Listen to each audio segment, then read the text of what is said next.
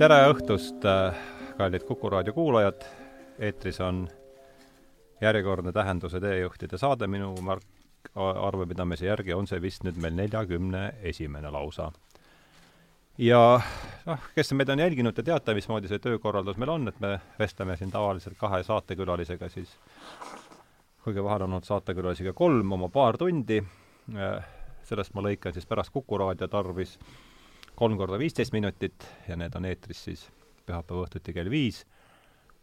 mõned päevad pärast seda saab kogu vestlus, siis äh, läheb kogu vestlus üles Youtube'i. On ta seal siis lõikamata, siis toimetamata kujul. Ja sellele ma olen pannud, sellele Youtube'i vestlusele ma olen pannud tavaliselt ka mingi pealkirja, mis siis minu arvates peaks kokku võtma selle vestluse sisu või vähemasti osundama sellele. ja tavaliselt selgub see siis pärast seda, kui ma olen selle vestluse üle kuulanud ja, ja ja enda jaoks selle iva välja noppinud, et tänases vestluses mul on see töö pealkiri on olnud äh, alguses äh,, töö pealkiri on mul juba olemas, kas ta selleks nüüd jääb, see on omaette küsimus, aga see deviis või juhtmõte või see pole isegi mõte, vaid lihtsalt äh, fraas, mille, mis siis tänase vestluse minu jaoks käima lükkab, on Verhovenski lapsed äh, osad võib-olla said juba viht-, vihje, osad kuulajad said võib-olla vihjest aru, aga tegemist on siis Stepan Trofimovitš Verhovenskiga, kes on üks äh, Fjodor Dostojevski romaani Kurjad vaimud, võib ikkagi öelda vist üks peategelastest, eks? jah, keskne kindlasti. keskne, keskne tegelane siis äh, ja ühesõnaga siis äh, peal, töö pealkiri on Verhovenski lapsed ja, ja juttu tuleb meil siis täna sellest Dostojevski suurroma-, ühest tema äh, suurte viisikusse koosnevast, äh, kuuluvast äh, teosest äh, Kurjad vaimud ja mul on seda siis raamatut täna tulnud stuudiosse arutama Raul Sööt teist korda meie külas ja Mihkel Kunnus samuti äh,, samuti teist korda külas. Mõlemad noogutasid? mõlemad noogutasid, jah. Lähemale. Võta ka kõvasti lähemale ta. et siis ma arvan, et kusagil isegi, eks sa ise kuuled sealt seda. Okay.. nii, ja ma ei tea, kas teeme väikse tut-, teeme väikse tutvustusringi ka veel enda kohta, öelge paar sõna ja siis lähme kohe asja kallale, et no mina olen Mihkel Kunnus, ma ütleks enda kohta, et ma olen Dostojevski fänn, õigemini tema eetos. suur fänn, ma ütleks. jaa, suur. tema, tema, tema eetos kirjanduses on nagu mind alati huvitanud, et äh, see liin, mille kohta ta ise ühes kirjas vennale ütleb, et äh, inimene on saladus ja tuleb, mis tuleb lahti mõtestada ja ma tahan sellele pühendada oma elu, ja sellised tegelased on mind avat-, alati huvitanud, nagu Eestist on suurim Tammsaare kindlasti, kes lähtus samast kreedost mm. -hmm. ja noh, see hõlmab väga paljut, loodusteadusi, filosoofiat, psühholoogiat, kõik, mis kätte saab ja see sünteesida ilukirjanduseks, et et see mind tema juures huvitab.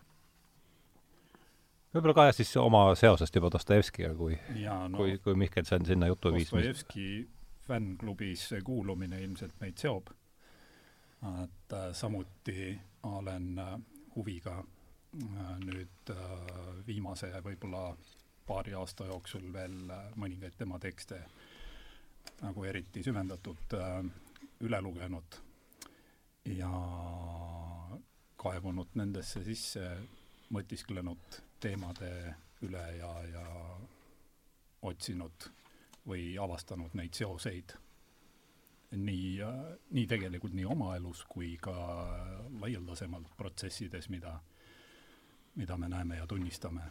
Nii et äh, Dostojevski fänn pluss üks ja võib-olla sellest äkki praegu isegi piisab võib-olla piisab siis, jah. et kuivõrd see töö pealkiri selline sai, veel kord siis eh, Verhovenski lapsed, siis oleks järsku põhjust eh, hakata kohe pihta sellest, kes see Stepan Trofimovitš meil siis oli ja ja noh, kes meid on kuulanud, ma olen tihtipeale ka niisugusel puterdaval moel siin lugenud ette paar lõiku või tähendab lõigu tavaliselt jutuajamise alguses, ma teen ka seda seekord. ja loen siis ette siin ühe, ühe tekstilõigu kohe esimene jagu, esimene peatükk kannab pealkirja sissejuhatuse asemel mõningaid üksikasju kõrgeaulise Stepan Trofimovitš Verhovenski eluloost. ja siit siis nüüd järgmine lõik. See on väga võluv peatükk mulle, me just enne rääkisime siin, et siin on ta ikkagi see, see tõmbab kohe endasse, see, see esimene peatükk, et see on raske teha valikut, aga ma võtan siis siit. kuid Stepan Trofimovitši tegevus oli lõppenud peaaegu samal hetkel, kui oli jõudnud olata. Öeldavasti asjaolude kokkusattumise pöörises. aga mis hiljem selgus? et polnud seal ei pöörist ega asjaolusid. vähemalt tema puhul mitte. alles nüüd, kõige viimastel päevadel, olen ma oma suureks imestuseks kuid see-eest täiesti tõsikindlalt teada saanud, et Stepan Trofimovitš ei elanud meie kubermangus meie keskel hoopiski pagenduses, nagu me seni, seni olime harjunud äh, arvama. vähe sellest, ta ei olnud kunagi järelevalve all olnudki. missugune küll, missugune peab küll, kui ikka mõtelda, olema inimese kujutlusvõime jõud? ta uskus ise eluaeg siiralt, et teatud ringkondades ollakse tema suhtel pidev, ollakse tema suhtes pidevalt ettevaatlikud et kõik tema sammud on kogu aeg teada ja arvel ning et kõigil kolmel kuberneril, kes meil viimase kahekümne aasta jooksul olid vahetunud, olid juba kubermangu saabumisel kaasas mingid erilised, tema suhtes ettevaatlikud mõtted. Need olid pähe pandud kõrgemalt poolt, eeskätt kubermangu valitsusohjade üleandmisel. Oleks ausameelsele Stepan Trofim-, Trofimovitšile tollal ümberlükkamatute tõendustega ütlema mindud, et tal pole põhjust midagi karta oleks ta kindlasti solvunud. ometi oli tema puhul tegemist väga targa ja anderikka mehega. koguni nii-öelda teaduse mehega. ehkki ta ka teaduses, muide, noh, ühesõnaga, ka teaduses ei saatnud ta korda just eri, korda just eriti palju ja nähtavasti üldse mitte midagi. Kuid teaduse meestega juhtub meil Venemaal seda ju igal sammul. nii, nüüd on algus tehtud inimese, kes üldse pole kuulnud, kes Verhovenski pere, perenime esimest korda kuulis, on mingigi väike niisugune aim antud ja räägime siis, alustame, kes oli Stepan Trofimovitš? Stepan Trofimovitš Verhovenski oli lääne, lääne haridusest äh, natukene noh, kas nüüd lolliks läinud ei ole ilus öelda, aga see, mida Dostojevski tähele paneb, on see, kes on lääne haridusest äh, lääne hariduse liiga tõsiselt võtmise tõttu irdunud oma pinnasest. ta on reaalsusest irdunud, ta ei saa aru, äh, mis siin kohalikud olud on, mis on kohalikud meeleolud, on läänest omaks võtnud äh, väga palju ideaale ja siis need üsna nii-öelda kõrgilt positsioonilt jutlustab neid. ja, ja, ja see, mida siin alguses välja tuuakse, et ta on nagu väga armunud teatud äh, romantilistesse kujutelmadesse iseendast, et ta on taga kiusatud äh, pagulasstaatuses nii-öelda ohvri positsioonil, et nagu võim kiusab teda taga kuidagi, et see on talle kuidagi, kuidagi väga omane. noh, no tähendab, praegu, kui ma ütlesin selle kujundeks, et on nagu lääne haridusest kuidagi seda liiga tõsiselt võtnud ja kärgib siis kohalikega. Äh, no ük-, üks asi on, eks ju, või võiks, võiks kohe meenuda siin kuulajale, kes pole selle teosega tuttav, näiteks äh, Ahto Lubjakas, kes ütleb, et noh, pool läbi seedimata kristlus ja et noh, aga mida ma tahan rõhutada, et see on Stepan Trofimovitš on hoopis teistsugune siiski, eks ju, mingilt karakteritüübilt, meelelaadilt on ta hoopis teistsugune, ta on siiski romantiline romantiline kujutlustes elav idealist äh, mm. täiesti ja tema, tema ideaalid on, äh, võiks öelda siiski nagu üllad ja head, aga tema probleem ongi see, et ta on äh, reaalsusest nagu täiesti lahustunud, ta ei, ole Venemaa orgaanilise arenguga kooskõlas. see, kui, kus ta sammub oma, oma, oma teel mm,. jah ja ütleme, see, ma arvan ka, et tema ideaalide ülluses ja selles ei ole ju mingit äh, kahtlust, aga selle juures mõjub ta ikkagi väga koomilise äh, kangelasena pigem. Ja nagu, nagu see, ma arvan, ka see äsja ette loetud äh, lõik aimu andis, et kas Dostojevski tema kujutamisel nüüd irooniat äh, tagasi, tagasi väga, väga, väga tagasi ei hoia, et äh, Raul, mis sina, kuidas sina seda tegelast iseloomustad ja, ja võib-olla Mihkli jutule siis äh, jätkuks?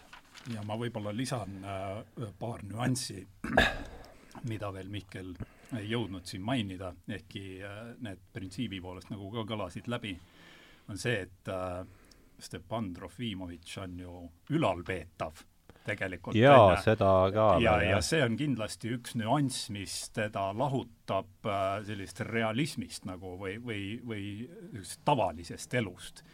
ta ju ei maksa oma üüri, ta, kui me nüüd seda romaani lõppu vaatame, kus ta siis lõpuks võtab selle oma esimese suure julgustüki kätte ja läheb siis äh, kott seljas, läheb siis laia maailma avastama nii-öelda, ta läheb lõpuks selle äh, äh, selle, teda sisuliselt pantvangis hoidnud niisuguse võimuka daami majapidamisest välja. õige küll, jah. et ja siis see moment, kui ta lõpuks sinna laia maailma jõuab, siis ta hukkubki põhimõtteliselt ja, kohe ja, ja siis mingis mõttes äh, ta leiab selle oma lunastuse ka, sest et see on kogu aeg teda piinanud, ta on kogu aeg oma mõtetes äh, äh, noh, arendanud selliseid neid idealistlikke äh, arendusi ja ükski nendest ei ole kunagi olnud reaalsusega nagu kooskõlas. Ja nüüd ta siis, kui ta siis lõpuks läheb välja sinna ja siis puutub kokku noh, tavaliste inimestega ja, ja puutub kokku vist ma ei mäletagi, ta ütleb midagi naljakat selle mingisuguse hobuvankri kohta, kus ta pära peale võetakse ja kus ta siis satub mingisuguse kõrtsi inimestega kokku äh,, siis ta on nagu, nagu ta oleks nagu vastsündinud. nii et on põhimõtteliselt kogu selle rema-, romaani vältel on ka nagu mingisuguse sameti sees ja mingisuguses täitsa omas mullis, mis äh, on selles suhtes väga huvitav äh, detail või, või selline läbiv motiiv ja eriti noh, kui me veel vaatame tema keelekasutust ka, ehk siis tema iga teine lause on prantsusekeelne või, või sisal-, sisaldab just, mingisugust prantsusekeelset väljendit. kõlab päris hästi kaasa selle täna meie, meie oludega siin. just nimelt sellise noh, meie ütleme kadakasaksluse, eks, mis ei ole ka siin sugugi uus definitsioon, eks. Maltsa inglus. no on jah, praegu jah, näiteks et äh, siis äh, ähm, sarnased sellised iseloomuomadused või, või mingisugused suisa mina ei teagi, loodusjuht, mis, mis mängivad selles inimeses välja, kes püüab oma sellest tühisusest mida ta noh, väga teravalt ilmselgelt tunnetab ja mida püüab siis iga, iga hinna eest kinni mätsida, ähm, et kuidas ta siis nagu selle Äh, olemasoleva mingisuguse niisuguse pesa peale, mida noh, mida ta tajub sisimas olevat, laob siis peale sellist ähm, klants äh, paberit kogu aeg ja kihtide, kihtide, kihtide kaupa, eks, aga et see sisu ei kao sealt kuhugi ju ära. see on ju endiselt olemas ja, ja, ja mida rohkem ta seda kinni üritab matta, seda rohkem see teda ennast piinab ja seda rohkem see teda huku poole lükkab. viib siis selle saatusliku ärasõiduni selle just, proua, proua pesast. jah, sest kui po-, kui ta poeg teda hukka mõistab, siis ühe asjana ta mõistabki seda või noh, kõige teravama litakana äh, torkabki sellega, et ütleb, et sa oled ülalpeetav. ja, ja Dostojevski nii-öelda üks äh, suurusi ongi selles, et ta oskab väga, väga teravalt näidata, kuidas äh, rahapuudus Äh, laseb tühjaks kõik need jutud ideaalidest. et äh, noh, raha on tema jaoks, eks ju, üks loodusjõud, viies stihia nii-öelda, äh, mida ta on väga, väga tabavalt näidanud, sest nii-öelda maise elu ankur on see, mis seob teda maa külge ja inimene nagu, nagu ei saa seda eirata, aga samas kõiki idealiste nagu kipub ühendama see, et nad äh, eiravad raha tähtsust. seda nii-öelda maise, maise piiratuse äh, sest noh, raha hulk on piiratud, eks ju, raha on see, mis allub matemaatikale, matemaatika on, ongi noh, siinpoolsus mingis mõttes, eks, ja, ja nojah, see ma, sa võid ka vaadata, et matemaatika on puhas teispoolsus, aga kui ja, me nüüd, aga hästi-hästi ma saan aru, mis tähenduses sina seda, mis tähenduses sina seda praegu kasutad? jah, ja, ja, ja ük, üks asi veel, mida ta siin tülis mainib, on äh, romaan Mida teha, äh, mis on kusjuures ka eesti keelde tõlgitud, mis on väga kvaliteetne, see on Nikolai Gavrilovitš Tšernõševski äh, romaan ja kui see ilmus, siis Dostojevski reageeris sellele väga valuliselt ja ku-, kusjuures see on jälle üks väga idealistlik teos, mis siis õpetab sotsialistlikus stiilis elama ja, ja see on kirjutatud vanglas. ja noh, see, see oli üks revolutsionäär, oli see Tšernõševski, ja Dostojevski jälle rõhutab seda, et no vang on, eks ju, küll väga hästi heroiseeritav tegelane, tõeline ohvri staatus, eks ju, riik on sind kinni pannud pahade mõtete eest. aga vangis olles, esiteks, sa oled ülalpeetav kõigest hoolimata, sa oled küll väga närustes tingimustes, mitte valitud tingimustes, aga sa oled ülalpeetav.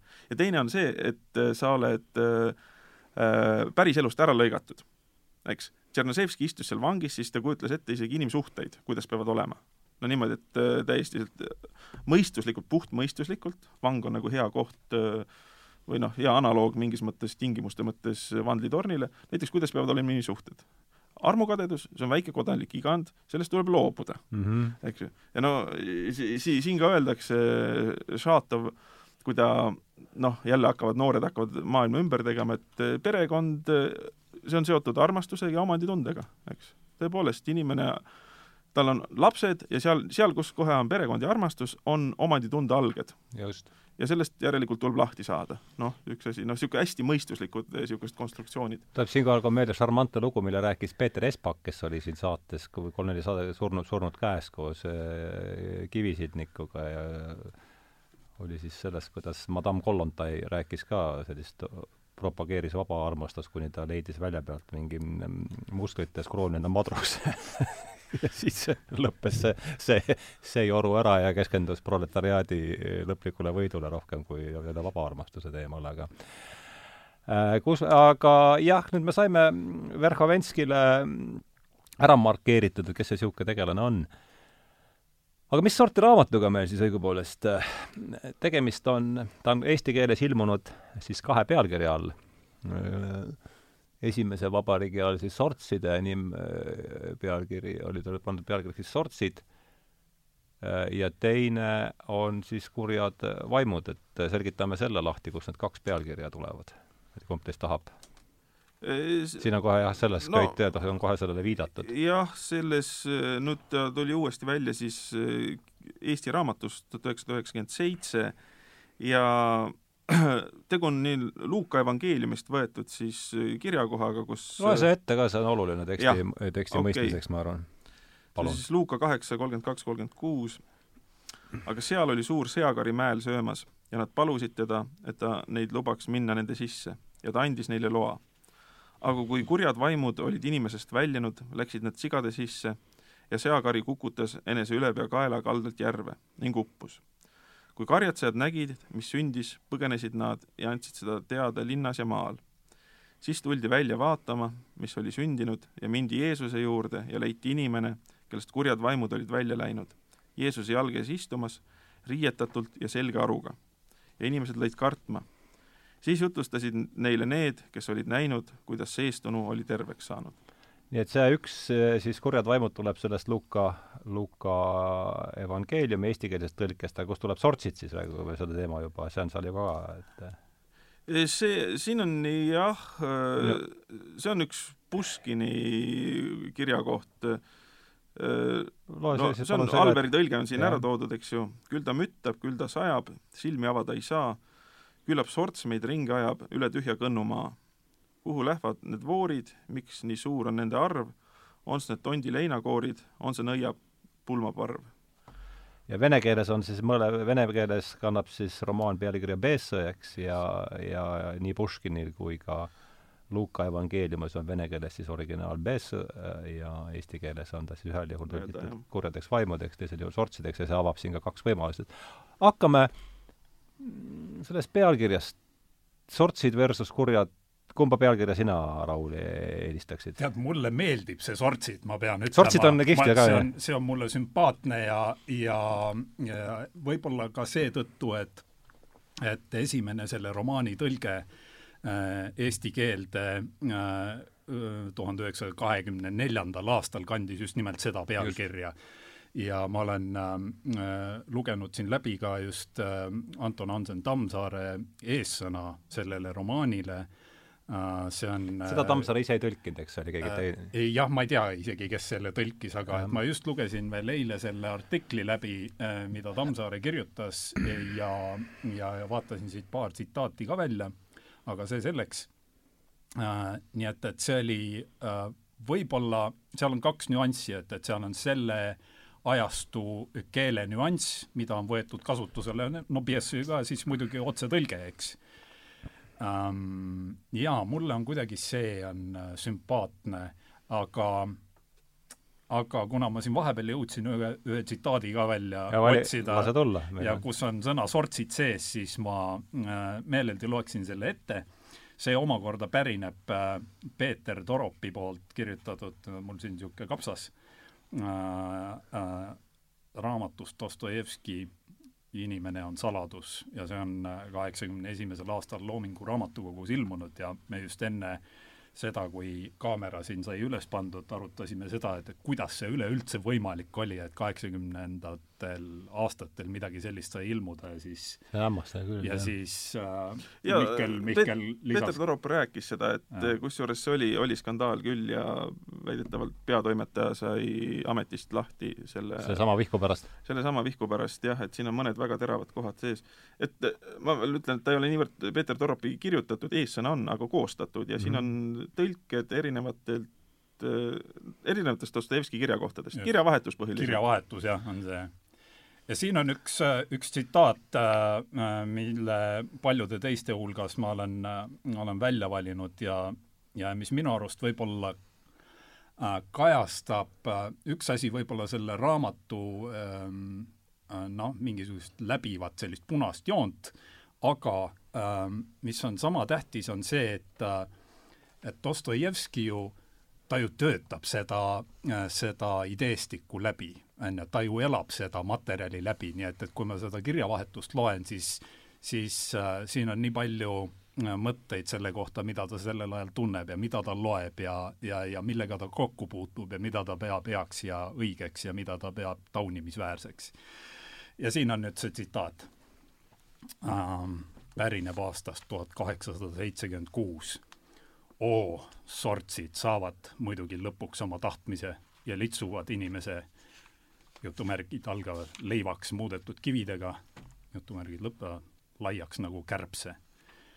see mm. ongi nende peamine eesmärk. kuid nad ei riski seda enne teha, kui nad on kõigepealt oma tulevase riigi inimeste mässu vastu kindlustanud mm. ja sellega talle püsikestvuse taganud selline tsitaat. Ja no laseme natuke seedida. oot, ma, ma, ma kohe apelleeriks aga lase tulla, see on vaba järgmise, vestluse, vestluses ongi üks mõte. sest äh, ma, ma nüüd äh, tsiteerin ühe lõigu Georg Henrik von Wrighti Minerva öökullist. Georg Henrik von Wright oli kahekümnenda sajandi võiks öelda kõige tuntum Soome filosoof kes oli nagu akadeemiliselt väga, väga hinnatud. tema seitsmesaja leheküljeline klots Filosoofia, loogika ja normid on ka avatud Eesti raamatusarjas ilmunud, aga see kogumik, kus tal on pikk ja põhjalik eh, essee Dostojevskist, on ilmunud üheksakümmend kuus kirjastuses Vaba, Vagabund ja siin on eh, Jaan Kaplinski ja Üle Vaaloja on tõlkinud põhiliselt ma lihtsalt ütlen enne, kui tsiteerima hakkad, et ma eh, lõikan need viieteistkümneminutilisteks juppideks Ar, arusaadav, jah. siis katsu selle noh. ma, ma proovin kenasti artikuleerida. niimoodi, alus, alustab von Wright eh, peatüki Revolutsiooni teemon mm. -hmm. üks Dostojevski suuri küsimusi on sotsialism. nooruses kuulus ta ringi, kus arustati ühiskondlikke probleeme. See süütu revolutsioonil tegevuse vorm viis ta Siberisse ja sai seega tema elu si suure sisemise kriisi põhjustajaks sotsialistlikke ideid tundis Dostojevski esmajoones nende prantsuse, eelkõige marksistlikus variandis. näib, et Marxiga tal lähemalt tutvust polnud. seda märkimisväärsem on sarnasus nende kahe mehe probleemiasetuse ja lõppjärelduse vahel. võiks ikka öelda, nad mõtlevad samas rütmis, kuid erinevas suunas. Nii nagu Marx, on ka Dostojevski sotsialistlik idee lahutamatult seotud revolutsiooni mõttega.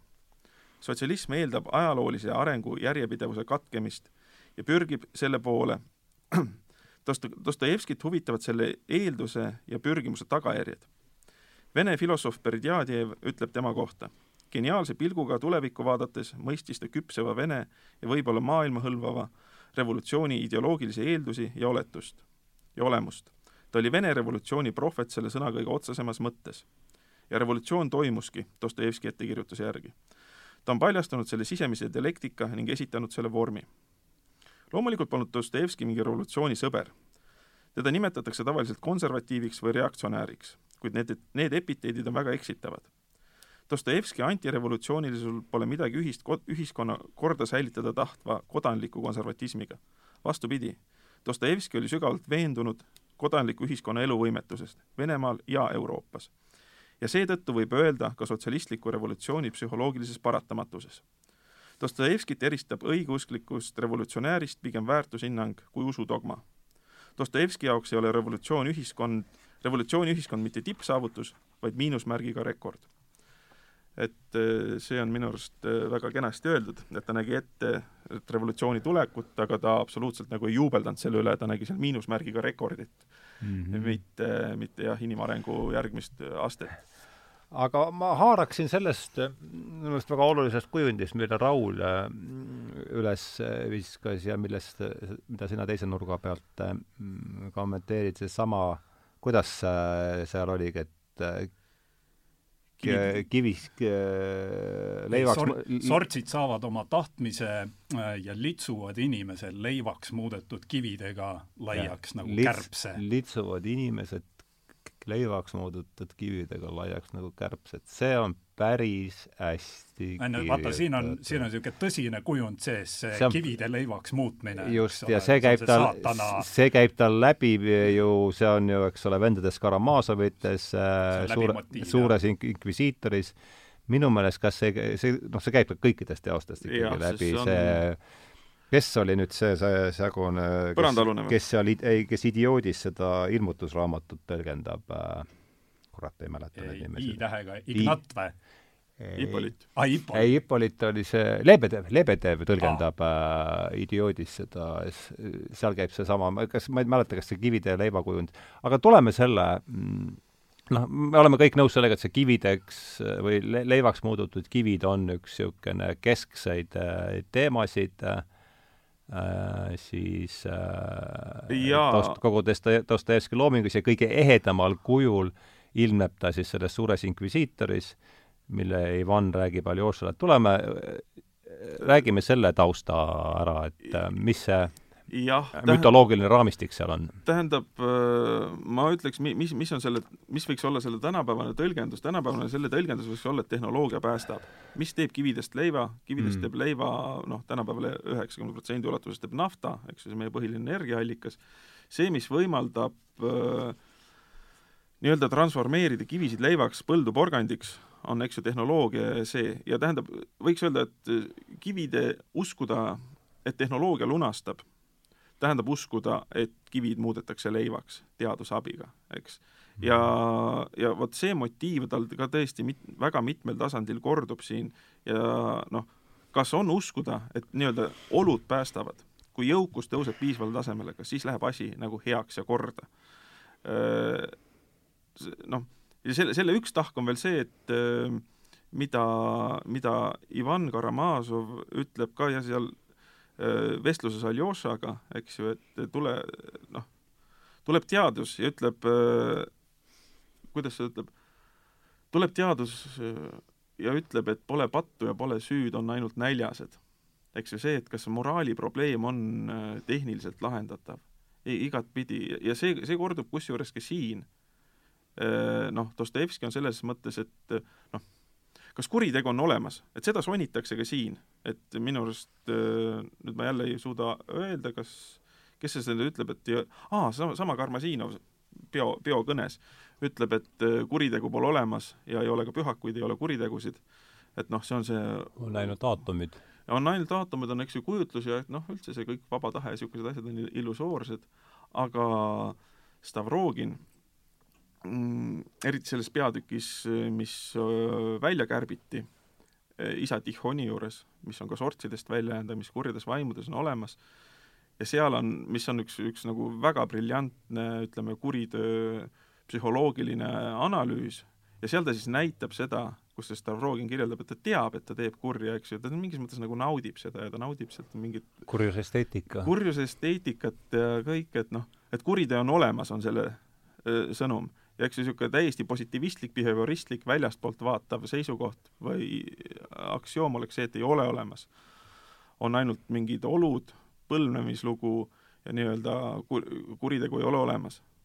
eks ju, siit, siit tuleb ka see, et noh, miks inimene varastab miks sunnitav Fetka tapab, on see, et kuritegu, kuritegu ei ole olemas tänu sellele, et kurjust ennast ei ole olemas. ongi ongi ainult ühiskondlikud olud, eks. jah, mis muudkui teisenevad ja moonduvad üheks ja teisest, et, et see on kindlasti üks, üks vaatepunkt.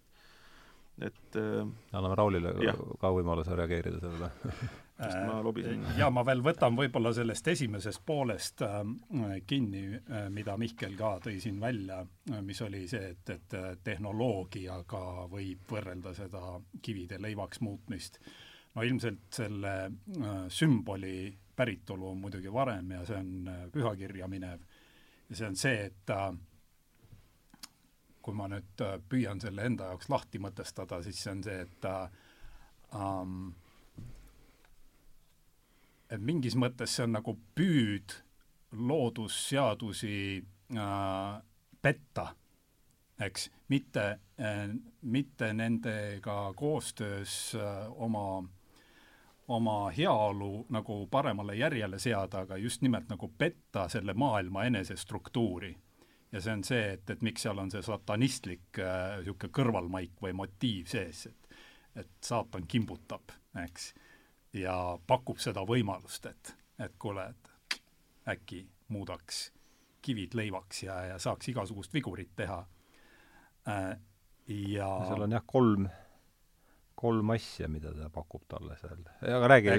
nii, ja, ja selle samuse äh, tsitaadiga, mida ma just siin äh, lugesin Dostojevski kirjavahetusest, et äh, sellega samas kirjas on veel üks lause ja ma äh, teie lahkel loal äh, loeksin selle ja, ka ette ja see on äh, minu arust, nüüd ütleme, et, et kui ma sinna tehnoloogia kõrvale paneksin ühe teise tänapäevase termini ehk äh, kodanikupalga, mis on mm -hmm. meil äh, viimasel ajal samamoodi diskussiooniks, eks see on äh, üles visatud mõte või noh, mis üles visatud, on üles kerkinud mõte äh, mm, praeguste ühiskondlike suhetega seoses ja, ja sellele on äh, nii poolt kui vastuargumente ja ähm, okei okay,, selle, selle kommentaariks minu arust sobib see lause igatahes, mis siit tuleb. see on see, et inimesed märkasid eh,, vabandust, inimesed märkaksid korraga, et neil ei ole enam elu, ei ole enam vaimuvabadust, ei ole tahet ega isiksust. et keegi on neilt korraga kõik selle ära varastanud, et inimese nägu on kadunud ja tekkinud orja loomulik kuju, elaja kuju, üksnes selle erinevusega, et elajas ei tea, et ta on elajas. inimene aga saaks aru, et ta on elajaks muutunud. ja siis äh, äh, lõigu võrra hiljem inimesed mõistaksid, et tegevusetus ei ole õnn. jah. kusjuures ma olen jah see, see, see, kui sa nüüd ütlesid, et äh, kodanikupalk, siis ma olen mõelnud selle üle väga palju ja kusjuures täpselt sama lõigu kontekstis. kuid äh, ma olen mõelnud, et äh, noh, see on niisugune riski peale minek, aga et ma just sellepärast nagu ei karda kodanikupalka, sest siin öeldakse, et inimene sülitab selle välja. ja vot siin on see, see kahetine asi, ma arvan, et osad sülitavad, osad ei sülita. et ma võin ette kujutada, et tõepoolest, kui kõigile tagatakse nii-öelda leib mis on, eks ju, noh, ka sotsialismi aluses kodanikupalk on lihtsalt üks viis seda leiba tagada. just äh,, sotsiaalabi ümberkorraldamise vorm. nojah, üks, üks, üks sotsiaalabi ümberkorraldamise vorm, siis äh, noh, inimestel noh, ta on, vastik on elada almusest, eks ju, et see hakkab piinama siiski. Verhovenski ka, ta teab, et ta elab almusest, eks ju, ta, ta kohutavalt sugereerib endast, et ta teeb, tegeleb kogu aeg seal üllate asjadega sealjuures. aga see, et inimese inimeses on nii suur vajadus olla asjalik eneseaustuse jaoks, olla tegus, olla päriselt kuidagi äh, vajalik, et see on nagu nii oluline asi, et äh, et see, see, see lõpus ruineerib ta ja ta paneb, paneb ta tööd otsima endas mõttes asjalik olema. et selles samas väikses äh, vihikus äh, ülestähendusi põranda alt, seal on no, üks ma läks ka mõte kohe sinna. et, et seal on ka see koht, et äh, kus nagu peategelane lõpus nagu täiesti krampides ja hüsteerias seal viskub kummuli, et ma ei saa olla hea. luba mulle korraks seda vihikut, ma Jaa. vaatan seda siit. äh, ja, ja, ja, ja, ja, ja milles see on, eks ju, see on minu arust nagu Dostojevski on see, et kui me käsitleme inimest ego, ahne egoistina, ahne egoistina, siis see ei ammenda, sellepärast et inimeses on ka enese ohverdamise vajadus.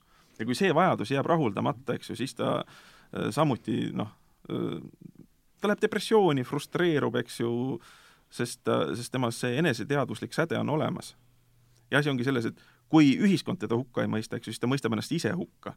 ja see, ja see on see äh, mingis mõttes äh, nagu isegi raskekujulisem või ületatum taak.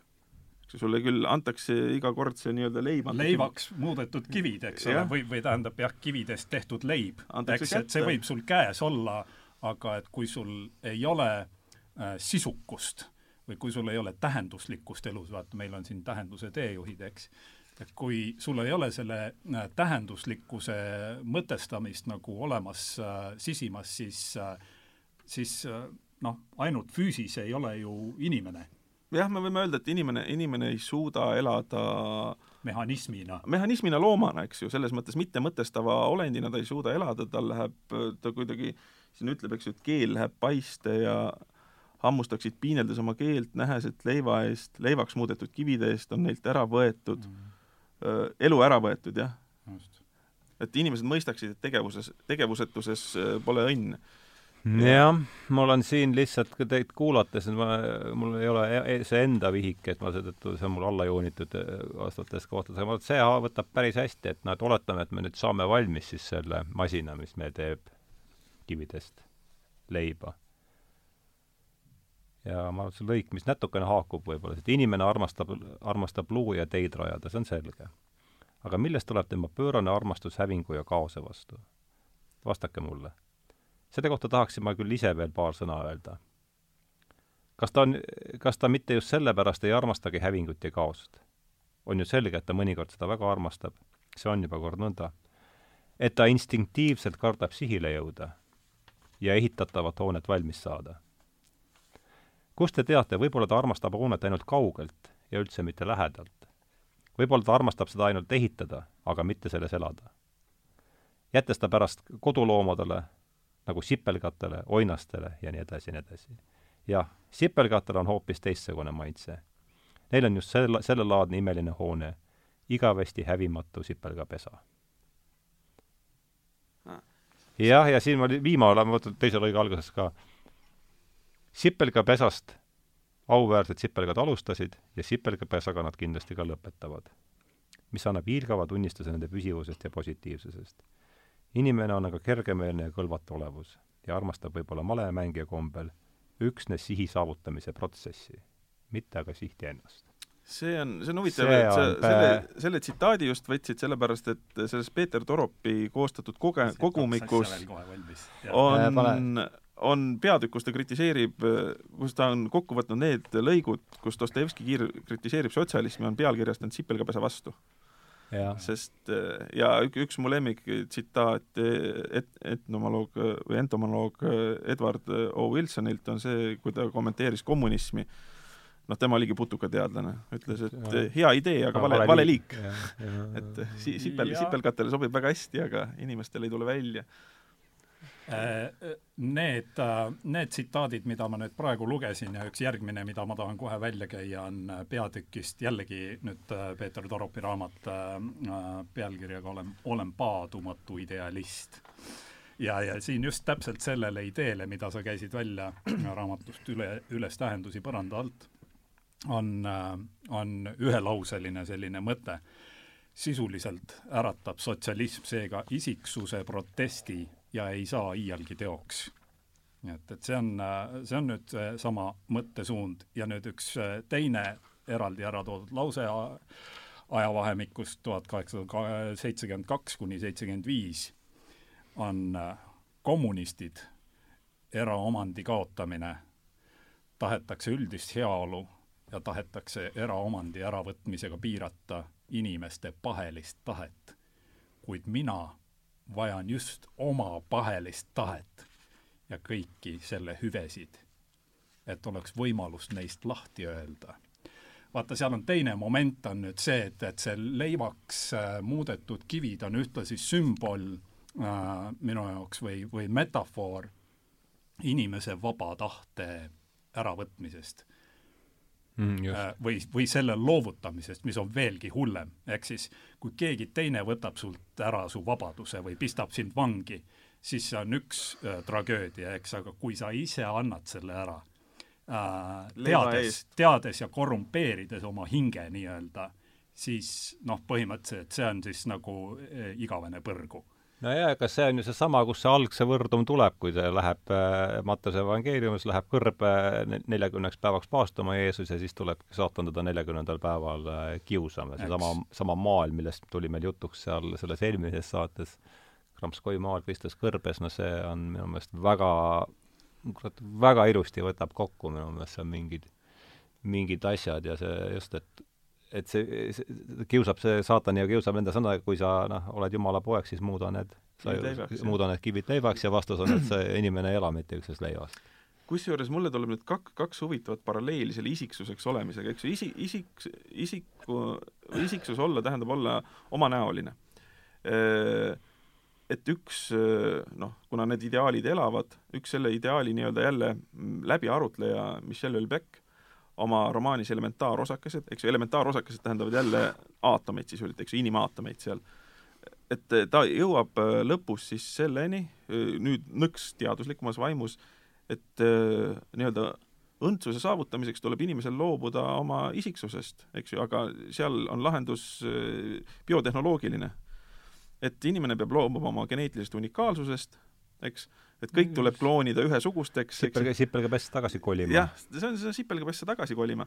ja, ja, ja, ja, ja minul on, ma juba segan, segan, aga mul on tunne, et ühest küljest ma tunnen nagu seda Orwelli vaibi õhus, eks. aga see Orwelli vaib on minu arvates just see, mis nüüd surub meid, eesmärk on sellel jällegi noh, see on lihtsalt väga niisugune subjektiivne tunne, aga see on see, mida ma tunnen, et see Orwelli vaib surub meid järjest sinna sipelgapessa nüüd nagu tagasi, ma ei tea, mis te jaa. et see on see, kuhu see ajaloo hoovus minu arvates näib meid äh, kandvat. sest see, sest see, see võrdsusaade, eks ju, ega see ei ole ka tühjalt kohalt tulnud, need, meis, meis on need tungid olemas ja, ja ajalugu teab ka selliseid juhtumeid, minu arust Lõuna-Ameerikas olid mõningad sellised ühiskonnad, kus inimene sai ennast sõna otseses mõttes toidu eest orjaks müüa.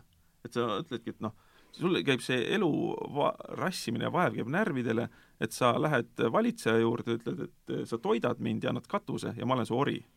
ja inimesed kasutasid seda, et, et selline võim-, et, et inimestes on selline, selline tung olemas. aga ma tahtsin teha ühe, ühe kõrvalepõike, üks mu viimase aja suuri ava-, avastusi, Fran-, Franz de Waal, primatoloog, ta teeb seal tead-, noh, erinevate liikide ka uuringuid ja siis ütleb, et need liigid, kus on sotsiaalsed hierarhiad, neil on terav näotuvastus. Et või indiviidi tuvastus ja ta toob seal, eks ju, šimpanseid ühtedeks näiteks, kusjuures mõn-, mõnel herilase tüübil on ka, nad teevad indiviidi vahelisi erinevusi. ja, ja nendel on ühiskonnas hierarhiad.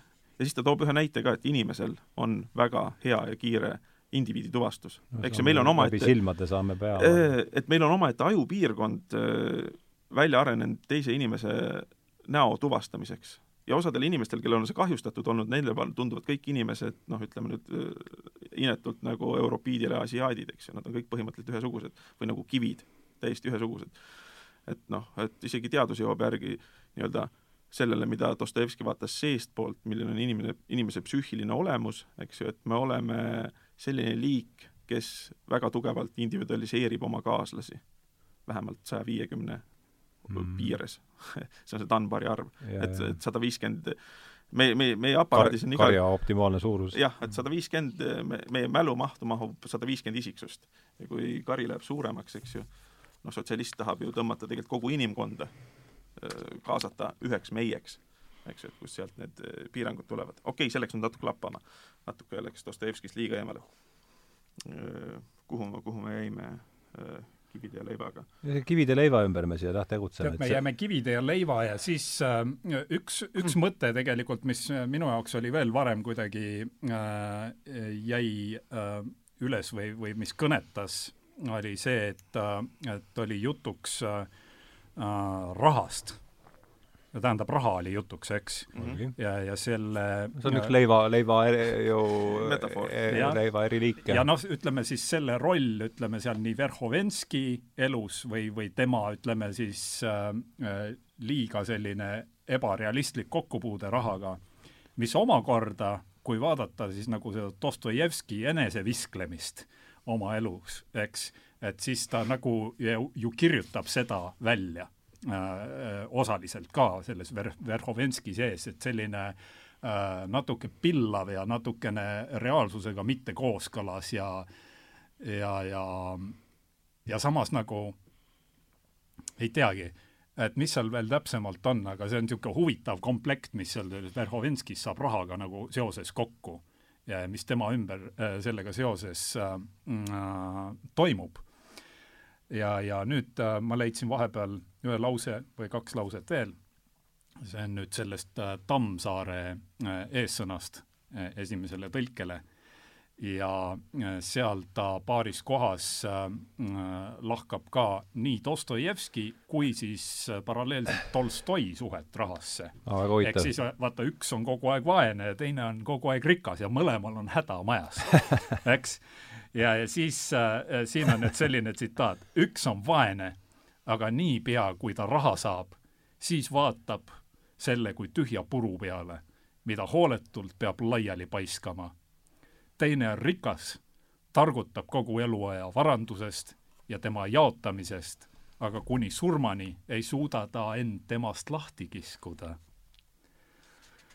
ähm, et jah, Tolstoi ju kuigi tegelikult Tolstoi lõpus on ju midagi väga sarnast, sellesama Pjotor, mis ta oli, Stepan Trofimovitš. no tal naine võtab rahaasjad üle, eks, tal naine hakkab enam-vähem majandama ja siis ta vähemalt ei ole nagu kogu aeg pandimaja küljes kinni. Et ta on vähemalt üks mõistusega inimene majapidamises, eks, kes haldab asju. muidugi see Dostojevski suhed rahasse, mul tuleb esimesena ikka meelde see Dmitri Karamaažovi uljas sõit Mokrojasse, kus ta võtab see kolm tuhat kolm tuhat rubla ja mustlased ja, ja viiulikääksutajad ja ja joodab talumehed joodab, joodab talumehed šampanjaga täis ja et see on no sealt on jah. no mida Verhovenski teeb siis, kui ta kõrtsi satub, siis tal ka ju põhimõtteliselt ta ei anna endale aru, et, et kui palju tal taskus on tegelikult. ta pillab siia ja ta pillab sinna ja ta oskab, ostab hea meelega, eks ole, evangeeliumi ja, ja ta, ta imestab, et kas tõepoolest pudel viina maksab nii vähe, kui see seal maksab, ma ei mäleta, mis see igata, iganes see summa oli. et ta on kogu aeg noh ta on kogu aeg nagu tarbinud seda, seda, seda, seda rõõmustamisvahendit adumata üldse, et, et kust see tuleb, see on umbes nagu, et laps, kes teab, et piim tuleb poest, noh, mitte, mitte lehma seest, eks. jah jah, ja, ja, ja no kuna Dost-, Dostojevskil on, eks ju, vabaduse, vabaduse temaatika, vabaduse dialektika on nii oluline, see, et äh, nii, nii üksikisiku tasandil kui, kui ka avarim kesk, keskne mõiste. üks keskne jah, ja loomulikult ütleb ka, et raha on vermitud vabadus ja kui tal on vaja seda äh, Prantsuse revolutsiooni lipukirja kritiseerida, siis ütleb, et ah noh, aga mis see vabadus on, eks ju, vaba sa oled siis, kui sa oled miljon, aga kas see Prantsuse lipukirja vabadus annab sulle miljoni? ei, ta ei anna. ja, ja kui ja kui sa oled nii-öelda vaba, aga ilma rahata, eks ju, siis sinuga tehakse mida, mida tahetakse, mitte et sina teed, mida tahad et, et sealt tuleb see konkreetne asi, et vabadus ei anna sulle miljonit mm, -hmm. aga, aga noh, seda oleks vaja. nii, aga äh, no ligi tund aega oleme siin nüüd juba istunud, äh, toome tagasi selle pealkirja juurde, mis ma ikka tahaks, mhm. Verhovenski lapsed äh, ütleme, niisugune järg, rääkisime alguses Verhovenskist, siis läks see keskne kujund Kivid ja leib tuli meil kohe äh, mängu. ja sealt läks otse siis jutt Äh, sotsialismile, mis on noh, selles mõttes, et tõepoolest äh, Dostojevski on Vene revolutsiooni prohvet. ettenägija, jah. ettenägija, jah, aga mitte siis äh,, mitte selline ettenägija, kes seda joovastunult tervitab, vaid pigem hoiatab siis selle eest. aga Verhovenski on meil ju liberaal, eks ole. jah, vot see on see, see ja on tema see... lapsed räägime nüüd räägime, ega me ei ole ju tegelikult siin inimesed kes ei ole raamatut lugenud, ega nad peale selle, et see on revolutsiooni ettekujutus, et, et anname natukene siis äh, selles algavas äh, plokis nüüd, et millest seal üldse jutt käib ja viime ta nagu äh, sellele, kuidas need sotsialistlikud ideed libera-, siin konkreetselt ikkagi liberalismi pinnasest äh, välja kasvavad. Ja ma arvan, et siin on nagu paralleele meie tänase päevaga ikkagi rohkem kui rubla eest. et kumb ja... tahab alustada siin seda? No, no ma võib-olla tutvustaks natuke seda raamatut siis, et esiteks pilte siin ei ole, servast servani teksti täis, suhteliselt väiksed tähed, kuussada nelikümmend kuus lehekülge, ühesõnaga see ei ole väga tänapäeva Twitteri formaadis raamat. Kohe mitte. ja teine, teine, mis võib-olla natuke nüüd ühte lugejat, eks ju, kes tahaks sellest äh, ülevaadet saada, siis selle nii-öelda sotsialismi ja revolutsiooni psühhogenees, et see algab umbes kolmesaja viiekümnendal leheküljel. et hoovõtt on päris pikk, aga see hoovõtt on nagu selles mõttes hea, noh, millele, millele pääseb li ligi ainult ilukirjandusega, minu arust ta näitab, kui tähtsad on ka igasugused isiklikud suhted, eks ju. Soosuhted, eks ju, kellel on pruut, kellel mitte, kes üle lüüakse ja nii edasi, et, et, et ka see aspekt, eks ju, on iga konkreetse inimese toimimises mingis mõttes oluline. Ja, ja, ja ka, ja ka perekondlikud seosed selles mõttes, et see Verhovenski, see vana Verhovenski nii-öelda Euroopa liberaal, ta jutlustab oma õilsaid ideid, aga üsna nagu, nagu laste kasvatamise suur õpetaja Rousseau, eks ju, nii kui laps tuli, andis äh, sinna orbude kodusse ära ja kas ta ellu jäi või mitte, see ei olnud enam tema asi, no Rousseau'le ei jäänudki, eks ju, sest siis olid orbude kodud nii karmid asjad, aga ega see Stepan Trofimovitš Verhovenski ei ole oma poega ka kasvatanud ega näinud, ta andis selle üsna ruttu ära ja tuli ise tagasi ja tal oli seal vahepeal veel üks naine, kes ka kuidagi kiirelt suri või ei pidanud vastu. Et see on üks mõiste, mis on Dostojevskil, on see suhteline perekond, tähendab kasvatuse lugu on kindlasti oluline, eks ju, kas ta kasvatab või mitte, ja Stepan Trofimovitš nii-öelda ei kasvata oma poega, ta loodab, et mingid mingitest ideaalidest piisab ja võib-olla, et noh, natu-, natuke annab talle pärast kuidagi näpuotsaga ideid.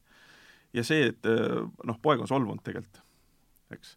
Et, et need, need suhted on siin kuidagi väga, väga olulised, et sellest nii-öelda dotseerimisest mingis mõttes nagu ei piisa, seda räägib, seda, seda räägib ta kindlasti. ja, ja veel, et noh, see, et päritolu ja juured ja kujunemislugu ei loe, et selle toob äh, Dostojevski ka välja nende äh, vene idealistide puhul, eks ju, näiteks Belinski, keda ta äh, ka noh, Belinski tõi kunagi kirjandusse, aga Belinski ütles, et andke mulle viisteist minutit ja ma pööran iga inimese sotsialismi, eks ju. kas ta Belinski kirja ettelugemise pärast mitte seda surmanuhtlustki ei saanud, oli vist või? oli see Belinski kiri? ei, see oli mingi muu kiri. oli muu kiri, jah? ta oli kiri, kiri Gogolile just no las ta olla, ei, äh, ärme sellest, takkar, tuleb meelde, tuleb, ärme otsima. jah, jah, jah, see, see pole see oluline praegu, aga tähend-, tähendab jah, et äh, noh, mineviku eitus on äh, väga oluline see, et eks ju, igasuguste sidemete ärakatkestamine. et tühjalt tabula rasale, noh, peksame traditsioonid puruks, et siin Just. seda kuidagi aasitakse ka, et nagu kui see on üks esimene koosolek, et siis äh, Äh, noh, et kõigist eelarvamusest tuleb loobuda, on üks tees ja noh, eelarvamus tähendab varasemat teadmist. et noh, seda saab väga koomiliselt karikeerida ja seda ka muidugi teeb, eks ju, et kust tuleb üldse, et noh, mis perekond, perekond on eelarvamus ja kust üldse niisugune arvamus tuleb ja loobume sellest, loobume vanematest, loobume nendest, eks noh, mis niisugustest no noortes liigume sipelgapesa suunas. jah, mis, mis nendel noortel tuisu, tuisupeadel on. jah ühesõnaga, esimese, esimesed paarsada lehekülge on äh, inimsuhted mingis mõttes. lava seadmine sisuliselt. lava, lava seadmine, jah. aga see mulle meeldis, et see revolu-, revolutsiooni psühhogenees on see paari sõnaga kokku võetud selle raamatu sisu. jah, jah, sest äh, noh, minu arust on üldse üllatav, kui vähe räägitakse psühholoogiast liberalismi ajastul, sest kui inimene on vaba, see tähendab, et kui tal puuduvad välised piirangud, siis ta käitub ju nii-öelda oma psühholoogilise sättumuse järgi. ja millised need on, oleks väga oluline tegelikult välja uurida ja kaardistada. ja siin tulebki nii-öelda Dostojevski kui suur psühholoog mängu, sest tema oli nagu inimhinge väga väga, väga nii-öelda äh, sügavuti uurija ja noh, ta on ju mõjutanud väga palju psühhoanalüüsi või noh, see, mida inimene teha tahab, et seda ju uuris Abraham Maslow, kes ka on Dostojevskiga tegelikult täiesti oma peateoses täiesti nagu ma ütleks, eksplitsiitselt äh, dialoogis hmm. võtame Raulilt ka vahepeal väikese äh, kõrvaltvaate. ja ma, ma veel võtan sellest sõnast kinni, mida äh, Mihkel juba ütles, et et poeg on tegelikult solvunud mm -hmm. vana Verhovenski peale ja ma ütleks, et, et ta mitte ainuüksi ei ole solvunud, vaid ta on suisa kättemaksuhimuline. jah, seal on rohkem, seal on mitte, ikka tume pool on ja ikka... isegi mitte ainult kättemaksuhimuline, vaid ta on suisa genotsiidiline. ehk siis äh, see on ka motiiv, mis nüüd tuleb ülestähendusi põrandalt raamatust äh, välja, ehk siis see inimene, kes äh, noh, ma, ma jään praegu omadussõna otsimisel natuke jänni aga et äh, kes on iga, mis iganes, ütleme, niisuguses sisemises põrgus omadega, tal on vähe sellest, et ta maksab ühele inimesele kätte. ta tahab kogu selle maailma hävitada. see on tema põhimotiiv. ja see läbib tegelikult seda raamatut ka. nii et, et mis iganes mm. äh, äh, vigureid Pjotor Verhovenski siin teeb, on ju, või, või mis iganes manipulatsioone äh, ja skeeme ta Pjotor Verhovenski on siis nüüd on, Stepa... on vana Verhovenski poeg, poeg, jah. on ju, ja noh, haritud, ülimalt intelligentne, äärmiselt rõukalik äh,, valelik äh,, salakaval, eks äh,, ülimalt libe vend eks, ja siis on huvitav, et, et seal kuskil alguse poole ka, kus tema esimene selline ilmumine seltskonda ähm, on äh,, on Dostojevskil kajastatud, see on üsna üsna pikk lõik, kus ta ilmub seltskonda järsku, niisugune Vesdelam, eks, astub sisse ja, ja äh, võtab väga, väga äh,, väga elavalt ja väga artikuleeritult sõna äh,, paiskab põhimõtteliselt kõik oponendid põrmu, ta on hästi ladusa kõnega, aga ta kohe äh,, Dostojevski mainib ka, et, et midagi selles äh, ladususes ja sellises peal äh,, pealispinnal olevas äh, ähm, noh, sileduses, et midagi selles on nagu äärmiselt eemaletõukavat mm. -hmm. et see on nagu tajutav, eks, ja Dostojevski toob selle välja ja minu arust see on hästi huvitav detail, ju, sellepärast et sellega ta annab äh, nagu teada äh,, kuidas see isiksus on üles ehitatud et millest ta koosneb, et kuidas see niivõrd mitmekihiline, eks ole, ja siis mis seal pealpool paistab ja mis seal siis sees need motiivid on ja minu arust seal on just see kättemaksu himulisus ja, ja mitte ainult äh, äh, inimesele, keda sa pead oma hädades süüdlaseks, vaid äh, loojale, sest et äh, ta on maailma valesti loonud. saad aru, see on jälle see Kaini ja Aabeli motiiv. et, et äh, kurat küll, noh, on ju mina olen selles positsioonis, järelikult Jumal on teinud maailma valesti. valesti. ja nüüd on variant me teeme selle ümber ja me lõhume kõik olemasoleva maha ja siis me saavutame sellise olukorra, kus äh, oh, isegi noh, loomulikult ta püüab olla seal siis võimupositsioonis, eks ole, siis ta loeb ju neid äh, teooriaid ka, et, et kui nad Stavroginiga arutavad selle, selle tuleviku struktuuri üle, siis eks äh, et siis, siis on ilmselge see, et, et tema on ju siis sõjarevolutsiooni komitee ikkagi seal selle peenema poole peal ilmselgelt, eks. aga et äh,, aga et äh,, et see ähm, see väike lisanüanss, et mingisugune kümme miljonit läheb kraavi, see on nagu noh, see ei ole isegi mingisugune õla ehitamise või, või kulmu kergitamise teema üldse. see on iseenesestmõistetav. see on see materjal, millega see uus ühiskond ehitatakse. noh, on ju, see läheb lihtsalt nii palju maksma, et, et ja. lastud peavad lendama ja nii ongi, eks ja, ja see on see tema äh, mõtteviis äh, siis äh,, mida jah, mida Dostojevski minu arust äh,, lähemale jah mida Dostojevski minu arust nagu väga väga, väga, väga osavalt ja, ja, ja väga peenelt maalib välja. sellega seoses äh, mul tuleb meelde just, et äh, ma hiljuti äh, noh, mis hiljuti Äh, paaril korral olen, olen sattunud äh, paari tuttavaga, äh, sõbraga vestlema sellel teemal, et et aga miks me peaks seda raamatut lugema? see küsimus tuli kuidagi üles, üles ühe inimesega mul rääkides, et, et ta küsis kuidagi, et, et mida sa loed, on ju, me vestlesime, siis, siis tema küsis minu käest, et mida sa loed ja ma ütlesin, et, et kurjad vaimud. siis ta tegi suured silmad, issand, kurjad vaimud, miks sa seda loed? Ja, ja siis ma küsisin, et, et mis temal siis riiuli peal on ja siis selgus, et temal on mingisugune New Age raamat riiuli peal, on ju. ja, ja noh, mul nüüd võib siin väikene iroonianoot läbi kõlada sellest lausest, eks, aga et äh, äh, siis ma nagu jäin päris pikalt mõtlema, sest ma ei osanudki kohe talle nagu öelda, et, et miks me peaks seda lugema. eks, aga et äh, ma ei tea, võib-olla ma viskan selle mõtte õhku, äh, ma omalt poolt ütlen, et, et mida ma arvan, äh, mis võiks olla üks põhjus, mis on tegelikult täna natukene juba ka läbi kõlanud, see on see, et, et Dostojevskit äh, ei ole mitte ainult meie siin fännklubi liikmetena äh, aga terve suur hulk inimesi ikkagi, ütleme nüüd selle saja viiekümne aasta jooksul, kui tema teosed on loetavad olnud, on pidanud äh, millegipärast üheks suur, suurimaks kujuks üldse.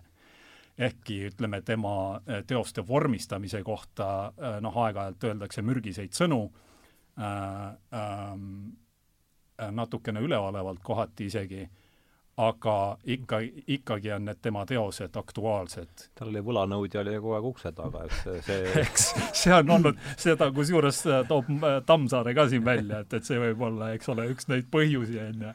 aga see, see on ka samas põhjus, mis on teda takka kihutanud neid teoseid kirjutama. eks, et tänu sellele võib-olla meil need teosed üldse äh, riiuli peal on. aga jah, minu jaoks on oluline see, et, et äh, ma mõtlesin enda jaoks niisuguse mo-, momendi läbi, et kirjanik või, või looja, üldse ütleme noh, inimene kui looja, eks, kui me ütleme, et inimene võib looja olla, on äh, paremal juhul ja, ja Dostojevski on üks nendest ja võib-olla äh,, kes meil siin veel, Nietzsche on üks nendest, eks, Orwell on juba täna mainitud, on üks nendest, Huxley äh,, Tammsaare kusjuures, eks, kes on viimasel ajal nüüd hästi aktuaalne Eestis, kuna film tuli välja äh,, siis selline looja on nagu Käsn, eks. ta on nii tundlik äh, ja ta suudab endasse imada justkui kõik need ümberringi äh, tooni andvad äh, tundmused, mõttesuunad Äh, ja see ei tähenda siis, et ta äh, ilmtingimata elaks siis täielikult laitmatut elu, on ju, sest me näeme seda ka, et kui tihti Dostojevski on mängu, mängupõrgus ja siis jälle pandimaja ukse ees ja siis ta kirjutab naisele kirja ja palub raha saata, aga et kõige selle juures on ta suutnud mingisugused äh, äh sellised äh, arhetüüpsed tendentsid, võib-olla ma ei tea, on, on sobilik sõnapaar et ta on suutnud need endasse nii sügavale imada ja läbi seedida ka kusjuures, et, et ta on suutnud panna need sõnadesse. Ja on suutnud panna need selliselt sõnadesse, et kui me ka äh, loeme neid nüüd sada viiskümmend aastat hiljem, siis me tunneme ära mingisugused needsamused äh, tunglevused enda sees, üks asi, loomulikult alati me tunneme, eks ole, kui on kellegi teise silmas pind me näeme enda ümber, äh, me näeme, noh, praegu me räägime ju siin revolutsioonist ja me räägime sotsialismist ja me toome paralleele või tõmbame paralleele praeguste sündmustega. Äh,, aga et äh, minu arust palju äh, tähtsam siin võib-olla veel on see, et, et äh, kõik need sündmused, mida me ka analüüsime, on ju inimeste poolt läbi elatud ja, ja siin maailmas reaalseks mängitud olgu need korduvalt siis massi, ja korduvalt. ja olgu need siis massimõrvad või olgu need siis mingisugused väikluse sellised äh, äh, manifestatsioonid või üks teine äh, lause, mis mul jäi siin juba mõni aeg tagasi äh, silma ja on sellest samusest äh, ülestähendusi põranda alt teosest äh,, on äh, näiteks selline asi, no pane nüüd natuke seedima. ma olen auahne, nagu oleks mul nahk seljast ära võetud nii et õhu puutuminegi valu sünnitab. see on siit, eks? see on Jah, üles tuleb- paneda, see on jah. üsna alguse poolest sealt Ja, ja. no võta, pane selle, pane see korraks nagu idanema ja siis vaata, et, et et kus see nagu vastu kajab ja see kajab kindlasti vastu, eks ole, ja loomulik on siis see ka, et, et äh, minu arust, et inimesed, keda see nagu eriti valusalt puudutab kuhugi vastu konnasilma, no need siis, eks ole, leiavad kohe, miks Do- Dostojevski on šovinist ja miks ta on, eks ole, äh, jah, suur vene šovinism on peamiselt, eks ole, see, mida siin Eestis aeg-ajalt äh, kriitika poole pealt käiakse kohe välja või et, et see, ah, ta käib mängupõrgus, eks ole. ära loe seda raamatut. mulle meeldib nii, Rä- Skulskaja rääkis, kui me oli Juku-Kallega idiooti vaatasimegi, et tuleb, tuleb vastu seda see Prantsuse saadik ja nu- nutab, et miks Dostojevski venelasi nii hirmsasti vihkab, siis Reena lootus, et no, et ta, ta vihkab kõiki no.. just, just, just, just. ta on realist või miks ta, miks ta prantslasi ei vihka, võib-olla ajasin sassi, et, et miks ta prantslasi nii hirmsasti, ta vihkab kõiki. ja, ja no et tea, ma ütleks, et miks, miks Dostojevskit lugeda või miks ta on oluline, ta on oluline loomulikult neile, kes tahavad maailmast paremini aru saada, et äh, Uku Masing on kunagi äh, väga niimoodi sapis, et noh, Uku Masing oli ka väga sapine mees, et ütles, et noh, inimene saab, saab vabalt raipeks elada, ta ütleski konkreetselt, inimene saab ennast vabaks raipelt, raipeks elada ka nii, et ta ei tea midagi tõest ega filosoofiast ega noh, maailmatunnetusest, mis mis on kahtlemata tõsi ja saabki. ja, ja paljud lähevadki seda teed aga need, kes tahavad ühesõnaga asjast aru saada, inimesest aru saada, Endast just aru endast saada. aru saada, jah, ka endast aru ja. saada, siis noh, Dostojevski nii-öelda psühholoogiline geniaalsus peitubki selles, et ta artikuleerib neid teadvustasandeid, mida me ise iseseisvalt artikuleerida ei suuda, oleks minu arust kõige lihtsam öelda. meie teadvus, noh, on öö, see, see koht, kus tuluke põleb, eks ju, see, see on üsna, üsna piiratud, on noh, me ei pea minema mingi freudistliku skeemini, et kahtlemata on mingid kollektiivsed meeleolud, mis meid mõjutavad, ja on ka nii-öelda sügavamad mitteteadlikud, alateadlikud. ja selle valgustatud akna venitab Dostojevski lihtsalt märkimisväärselt suuremaks. et see, kuidas tema, tema tegelased räägivad, on selline teadvustasand, mis meil tavaliselt ei räägi. ei ole sõnastatud mm. kujul, on mingite no, aimduste, tundmuste, ja niisuguste noh, ebamäärasemate annab aimdusele sõnad sisuliselt. jah, ta sõnastab, artikuleerib aimdusi, mis meis on olemas ja, ja sellepärast on see äratundmise efekt ka nii, nii suur nendes kohtades, et mulle just ta meeldibki selles mõttes, et need, kuidas, kuidas see revolutsioon toimub. et, et ta ei ole niivõrd, see ei ole intellektuaalne protsess, see on tõesti tundmused, aistingud, meeleolud, kõik see pundar, millest tahe ja psüühika mm., psüühika koosneb et noh, näiteks hea koht on kolmanda jao esimene peatükk, kus ta siis räägib sellest peost, mis seal tõi, toimub äh,. Äh, paljud püüdsid, tõsi küll, ette manada hästi sünget ja poliitilist nägu, kuid üldiselt pakub ju igasugune skandaalne segadus ühiskonnas venelasel alati ära ütlemata suurt lõbu. tõsi küll, meil oli ka midagi, mis oli hoopis tõsisem kui paljas skandaalihimu, see oli kõikehõlmav ärritus, midagi kutsumatult kurja, tundus, et kõik olid kohutavalt tüdinud kõigest. valitses üldine rabe künism, kui kuidagi üle jõu käiv pingutatud künism.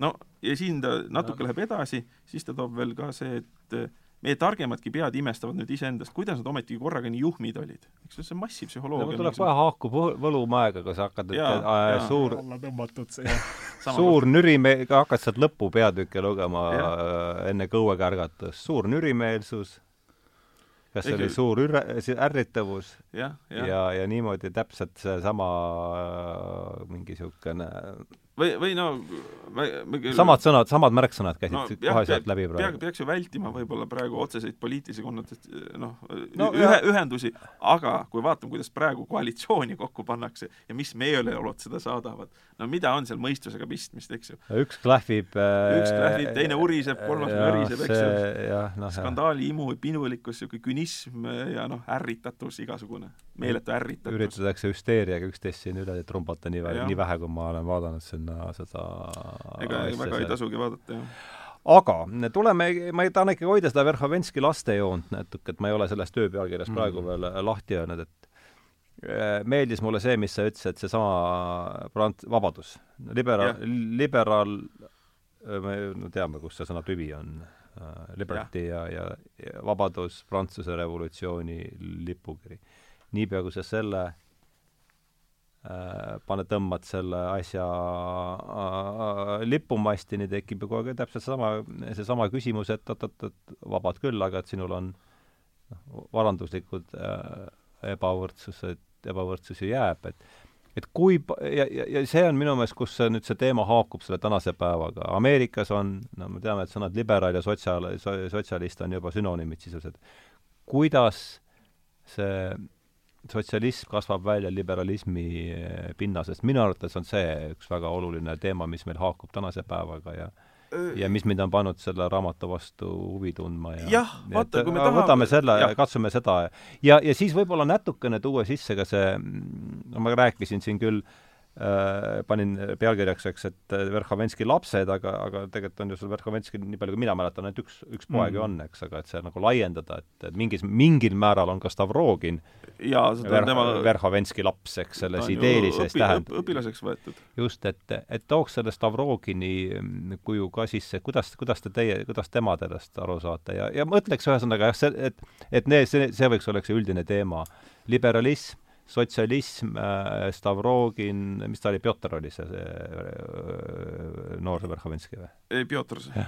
nii, et äh, hakkame sinust pihta, Raul. tead, mul on üks, äh, üks lisaküsimus nüüd, kas äh, kas see mm, Verhovenski lapsed, kas see oli sul äh, täna välja pakutud pealkiri või sa olid äh, seda kuskilt märksõnana lugenud? ei, selle ma ise nagu enda, see enda peas Aa. sõnastasin selle Aa. Youtube'i versiooni pealkirjaks. see on see, millest okay. ma lähtun, võib-olla okay. pärast tuleb teistsugune. ma just, ma just mõtlesin korraks selle, selle sõnapaari peale äh, hoopis äh, mm, teisest aspektist vaadatuna, ehk siis mitte nagu ütleme nüüd Verhovenski Äh, füüsiline laps, eks, aga et kui võtta mingis mõttes, ma mõtlen, et võib-olla õnnestuks laiendada seda mõistet äh, siin kogu romaani tegevustikule, ehk siis äh, Verhovenski lapsed ei ole nimelt nagu noh, need mõned inimesed nüüd, kes seal vastavat moodi käituvad, aga et mingis mõttes sa võid vaadata seda Verhovenskit kui teatavat mõtteviisi ju, on ju,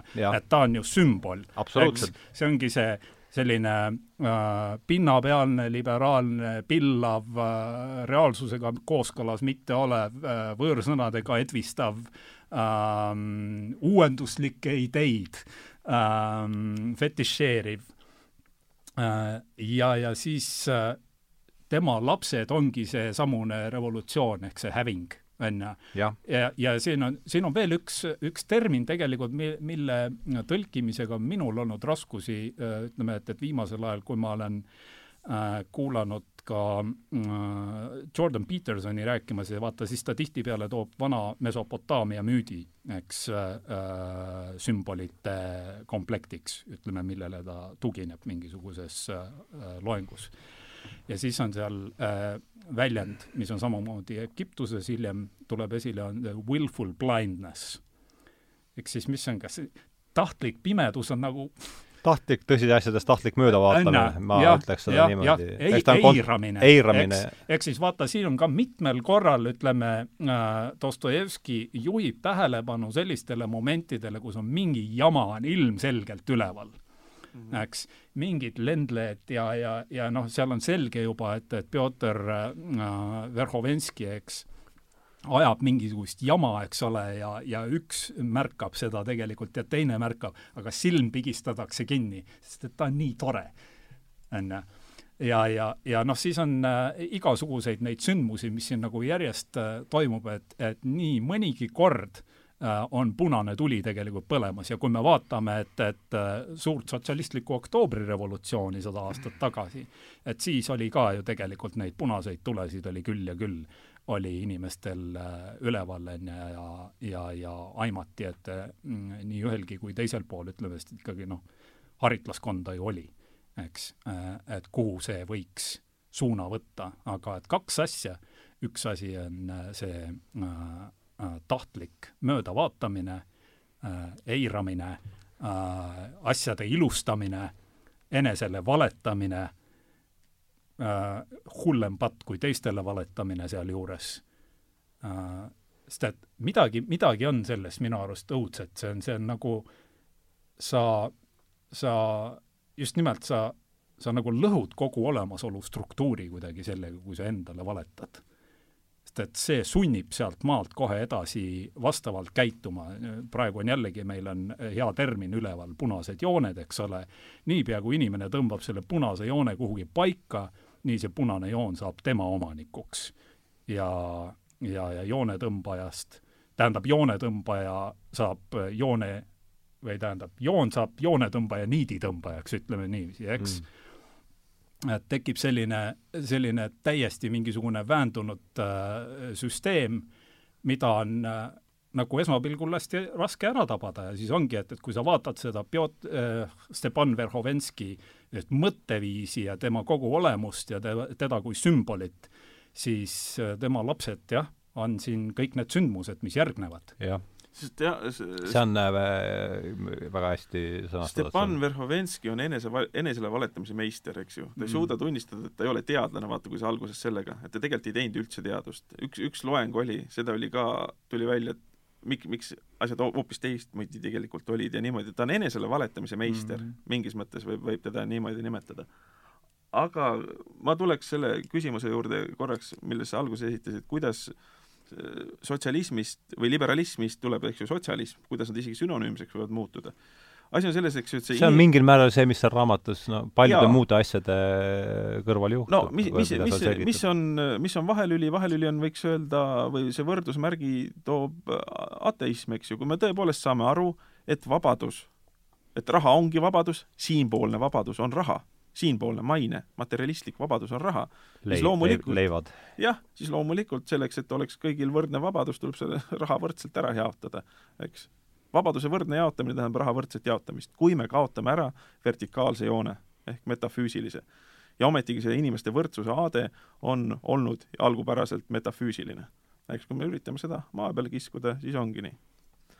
aga ma tuleks korraks selle eh, Stavrogini juurde, et ma loen nüüd väikse lõigu Peeter Toropi järelsõnast mm..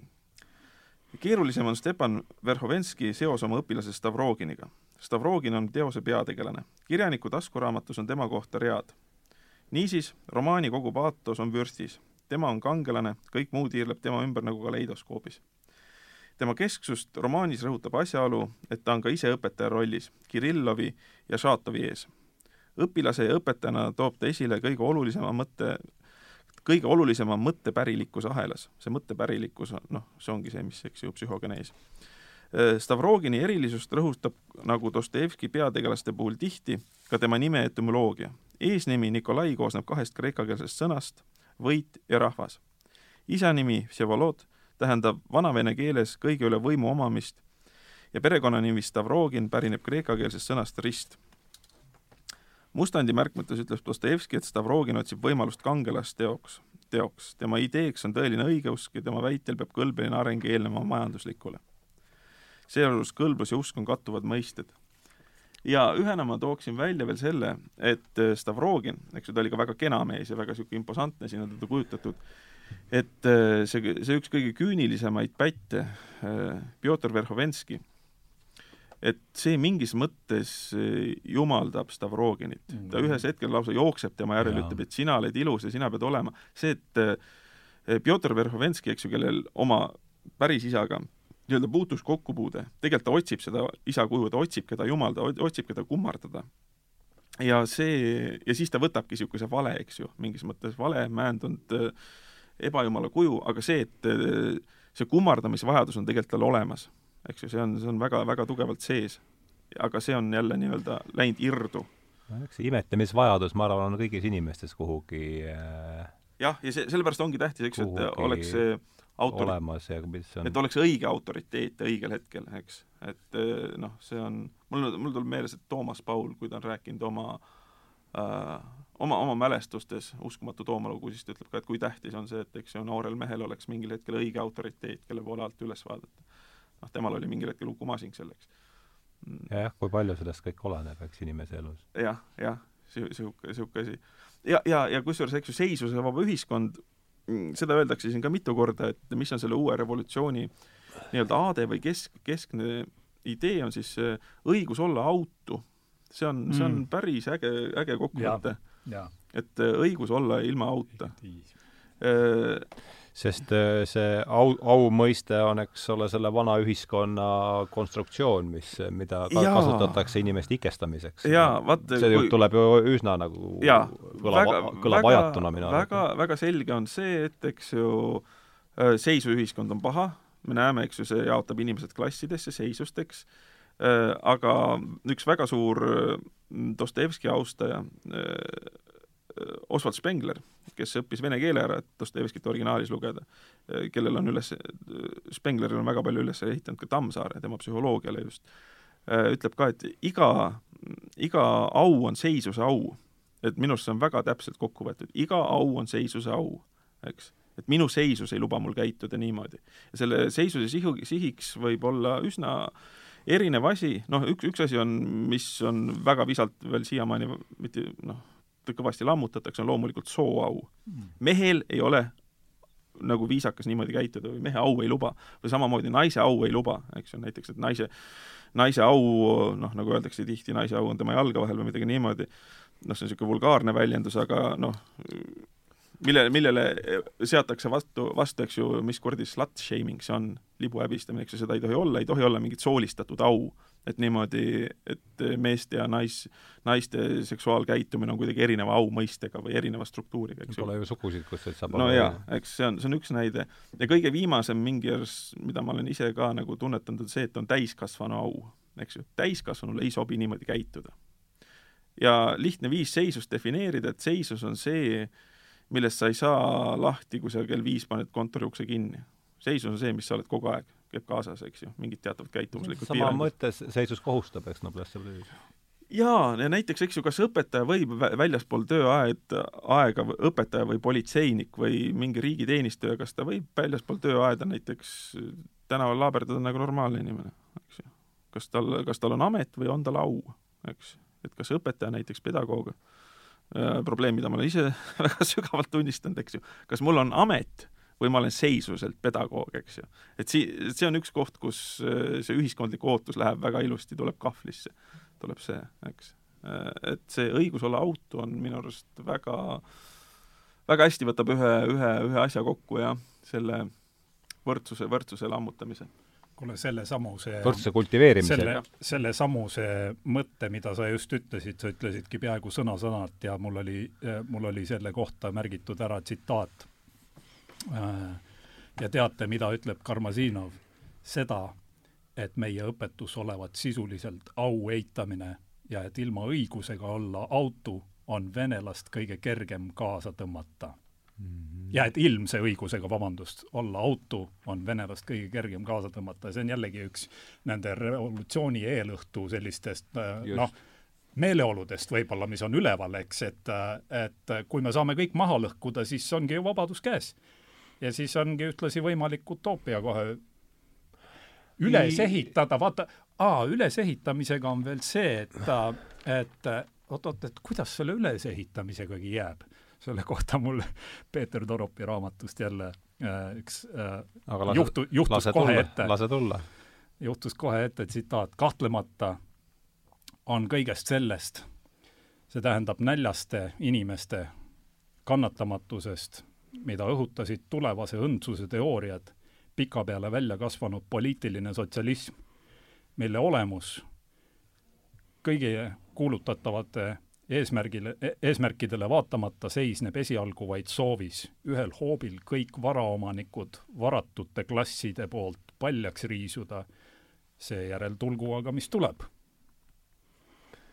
no mis tuleb, on seda, mõte ei ole ju absoluutselt uus, aga sa oled selle vimma-uuringute afääriga sa järgselt, see James Lindsay ütleb ühel, ühel kohtumisel väga ilusti, et millest jutt käib, et meil on püramiid.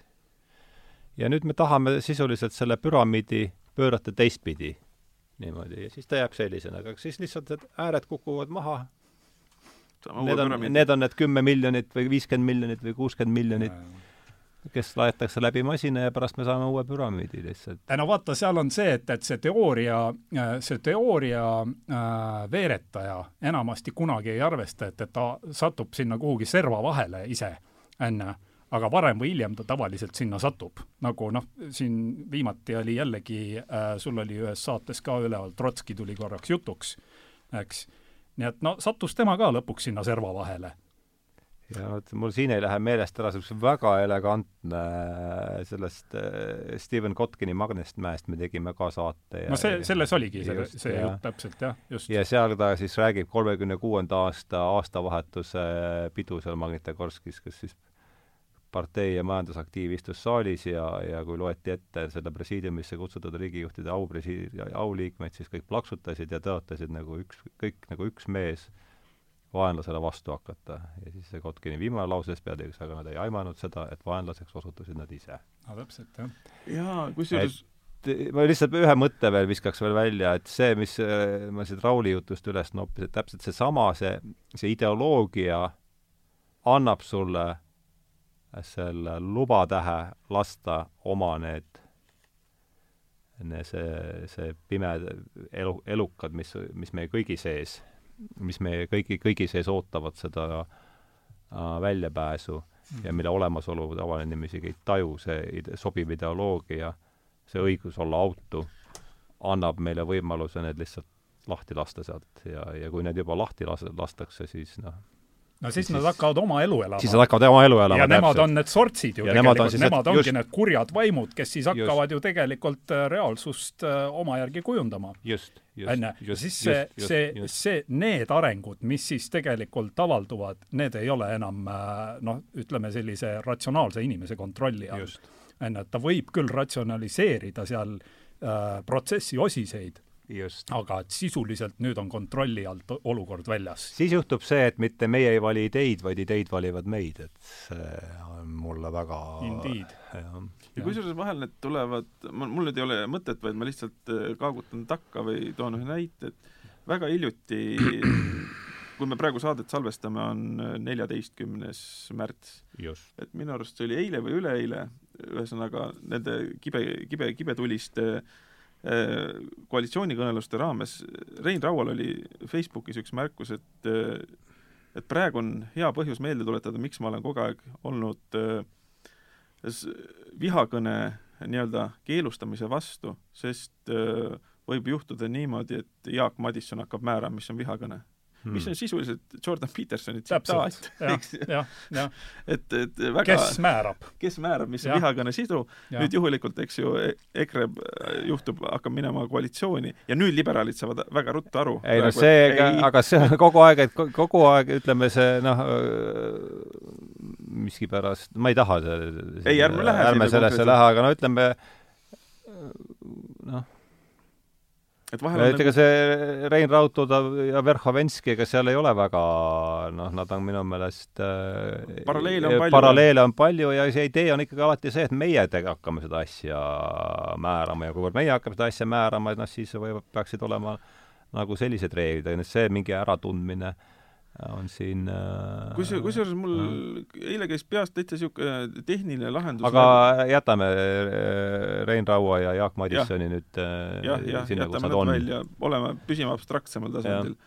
selles mõttes, et mulle isegi tuli, tuli niisugune tehniline uitmõte eile, et võiks teha niimoodi, et et seaduse vormi teevad need ühed ja sisu teised et mõtteharjutusena näiteks, et võivad võtta baaridesse sotsiaaldemokraadid ja need aga jah, et ühed ütlevad, et millised seadused teevad ja teised annavad neile nii-öelda rakendusaktid. et mm., et siis võib tulla üsna niisugune selge arusaam, miks on vaja riiki kammitseda. sest inimesed, inimestel on vaja vahel võõranduda, eks ju, sellest, et äh, see, tõesti võõranduda sellest kujutlusest, et just nemad on see, kes hakkavad asju ellu viima. jah, see oli nüüd hea mõte, see riigi kammitsemine.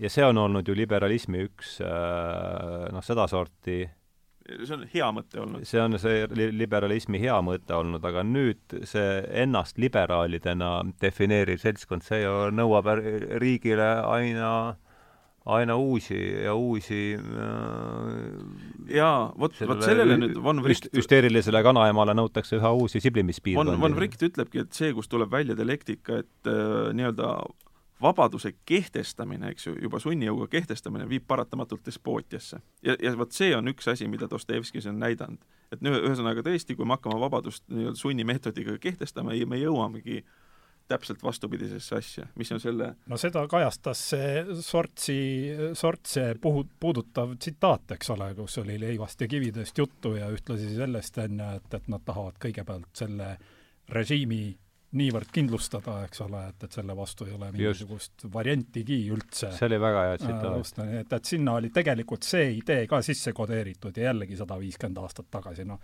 ütleme, et, et see mõte on veel palju vanem kindlasti kui sada viiskümmend aastat mm. -hmm. aga, aga Dostojevski on lihtsalt jah, suutnud kuidagi selle väga hästi kokku võtta nüüd ma suskasin vahele. ja, ja, aga see aga, nii, nii vestlus käibki. aga ma mõtlesin äh, veel selle peale, et, äh, et kui ma nagu kaevasin selles, selles noh, selles sündmuste kulgemises nüüd ütleme siin romaanis on ju, või siis Dostojevski mõttemaailmas ütleme tegelikult, mida ta, mida ta arutleb ju läbi. et siis Dostojevski on siin nagu ühtaegu prohvetlik ja ja terava pilguga karm kohtunik, aga ta on ka naiivne. et kuskilt maalt huvitav, ma näen nagu, et, et see Äh, vaata seesamune Luuka evangeeliumi avang, eks ole, mis tal on ju kohe romaani alguses. no moto sisuliselt, jah. et, et seal ta ju, ta ju toob seda mitu korda veel välja, et, et ta näeb ja noh, siin samamoodi oma kirjavahetuses ka, et ta näeb seda, et, et siis lõpuks, eks ole, kus on kurjad vaimud on sigade sisse aetud ja need jooksevad üle kalju otsa merre, eks, siis see äh, siis see inimene, kes on nüüd puhastunud, kes on nüüd siis nagu Venemaa sümbol, et see siis istub Jeesuse jalge ees puhastununa ja, ja kõik on hästi. aga mingit happy end'i ju ei tule tegelikult, eks. nii et, et läheb ju teisiti ja kurjad vaimud ei läinud lihtsalt mitte sigade sisse, eks, aga et, et hävitasidki et ütleme, kümneid miljoneid ja, ja laastasid seda kultuuriruumi, nii et, et sealt tegelikult juhtuski see, et, et see pääses nagu täiesti kontrolli alt välja et ähm, et mul käis nagu selline mõte nojah, aga läbi. see on just see minu arvates, millele on John Gray tähelepanu juhtinud, et kõik need äh, ikkagi see liberalism ja sotsialism, hiljem nad on ikkagi kasvanud välja sellest kristlikust teleoloogiast äh,. et äh, nad on äh, lihtsalt sekulaarse, kristluse sekulaarsed vormid. ja, ja, ja noh, Dostojevskil on selgelt see lõpp, ega tema läheb ka mingi tema on lõpp, idealist. tema läheb ikka mingi lõppjaama poole, sellesama, mida ja. sa kirjeldasid, või see, kuidas Miloš ütleb, et see, kuidas ta Karamazovit ja Aljoša läheb nende kaheteistkümne kaheteistkümne lapsega sinna helge tuleviku poole, et ega see ei noh, see ei, noh, ei ole ka, just nimelt ei ole väga veenev et noh, et võib-olla see nüüd siin, eks ole, seitsmekümne aasta jooksul on Venemaa jõudnud tagasi kõrge või tähendab ähm, ähm, Jäärum, sõna läks kaotsi ähm,, õigeuskliku noh, mõtte, mõtteviisi või, või eluviisi juurde või vähemalt on nagu püüdmas nagu seda justkui taastada, eks, aga et, et ütleme, et kui sa vaatad seda Dostojevski prohvetlust, eks, siis ta nagu näeb justkui, et, et selles äh, noh, selles mingisuguses äh, keeristormi sees, et nagu seal toimub see pöördumine, eks, ja siis äh, siis äh, nüüd ütleme, Kristuse tunnistamisega justkui või, või, või usu juurde tulekuga ja selle, selle sisulise teadvustamisena on võimalik, et siis see rahvas puhastub ja kõik läheb hästi justkui, eks. aga noh, ega tema ka ei tea, mis viiekümne aasta pärast toimuma hakkab. Just eks.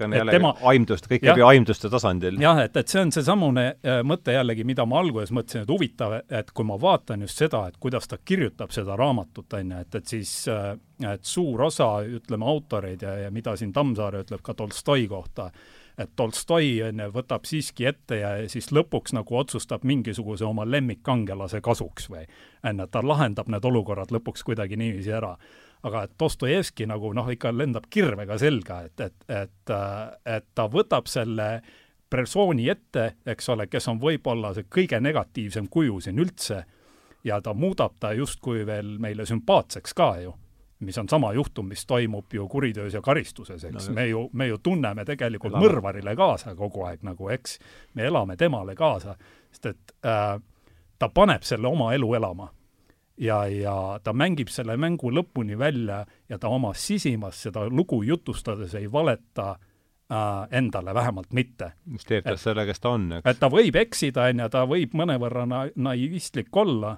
aga et ta võtab selle persooni ja siis äh, ta äh, ta, ütleme, ma ütleks, et ta mediteerib läbi selle olukorra ja selle inimese võimalikud äh, käitumisviisid niivõrd tõenäo-, äh, niivõrd tõepäraselt, et kui me vaatame ja loeme selle teksti, siis me ütleme jah, selline inimene ongi olemas. ja ma tean, et, et kui minus on need mingisugused sellised äh, mm, iseloomujooned, mida ma kusagil tunnen ära, siis nad just täpselt nii mängivadki ma olengi see inimene. siis nad täpselt mängivadki nii ennast maha, on ju, me tunneme selle ära nagu vaistlikult ja, ja see on just, see on just tema teksti juures minu arust see nagu see puhas kuld. Et see on see, miks ta on nii väärtuslik, jah. ja, ja see, selle, noh, sellega ta näitab, et jälle nagu need ordinary men, eks ju, et meis kõigis on see võimalus olemas, teatud juhtudel me võiksime täiesti käituda niimoodi, meis on need impulsid olemas ja, ja kui ta teeb meile Raskolnikovi nii äh, veenvaks, siis just sellepärast, et me oleme nagu noh, me oleme piisavalt sarnased. et see, et see, ta, ta, ta tuletab meelde, nagu suured psühholoogid ikka teinud, et ka sina oled kuriteovõimeline selles mõttes. Äh, eks noh, mi-, mis lasi nagu nüüd Jordan Peterson on, eks ju, analüüsinud, mis, see on, see ongi üks see asi, mis lasi juhtuda kahekümnenda sajandi nii-öelda nendel massimõrvadel, mis oli ju reaalsus, mis tõepoolest toimisid, need asjad olidki niimoodi ja inimesed käitusidki niimoodi, mida meil on noh, või noh, mul, kes ma olen nii palju hiljem sündinud, on võib-olla tõesti vahel raske uskuda. Isegi, isegi kui mu oma vanaisa neist jutustas, eks ju, et noh, nagu päriselt olid sellised asjad. jah, vot mul täna on see Jüri Alliku Jungi loeng veel õhtul ka ja ma olen mõelnud, kuidas paar sõna sissejuhatuseks ütelda ja, ja noh, kogu otsid neid sõnu ja üks vestlus, mis mul on meeles, ühe Eest-, väga intelligentne inimene, oma ala Eesti noh, kindlalt tippu kuuluv kodanik, käisime lõunat söömas aastaid või paar aastat tagasi, aasta tagasi võib-olla ja ütles, et et ne-, no rääkis ette juttu kahekümnenda sajandi peale, et ega neid õudusi ei teinud ju inimesed, vaid riigid või valitsused mm. -hmm, mm -hmm. Ja, kes valitsused tegi, eks ja, ja nojah, üks asi, kes nad pukki pani ja kes noh, ega valitsus ei tee ju asju Need on ikka inimesed, need on inimesed, kes, kes annavad käske ja kirjutavad ja ja lasevad äh, kukla, kuklasse või, või näitavad teed, et see on noh, aga no vaata, valitsuse tekkimisel on ju omamoodi protsess, eks ole no,, ja see on ju inimeste poolt no see on see, millest me rääkisime, jah, just ja., et see, asjad lähevad ikkagi viltu.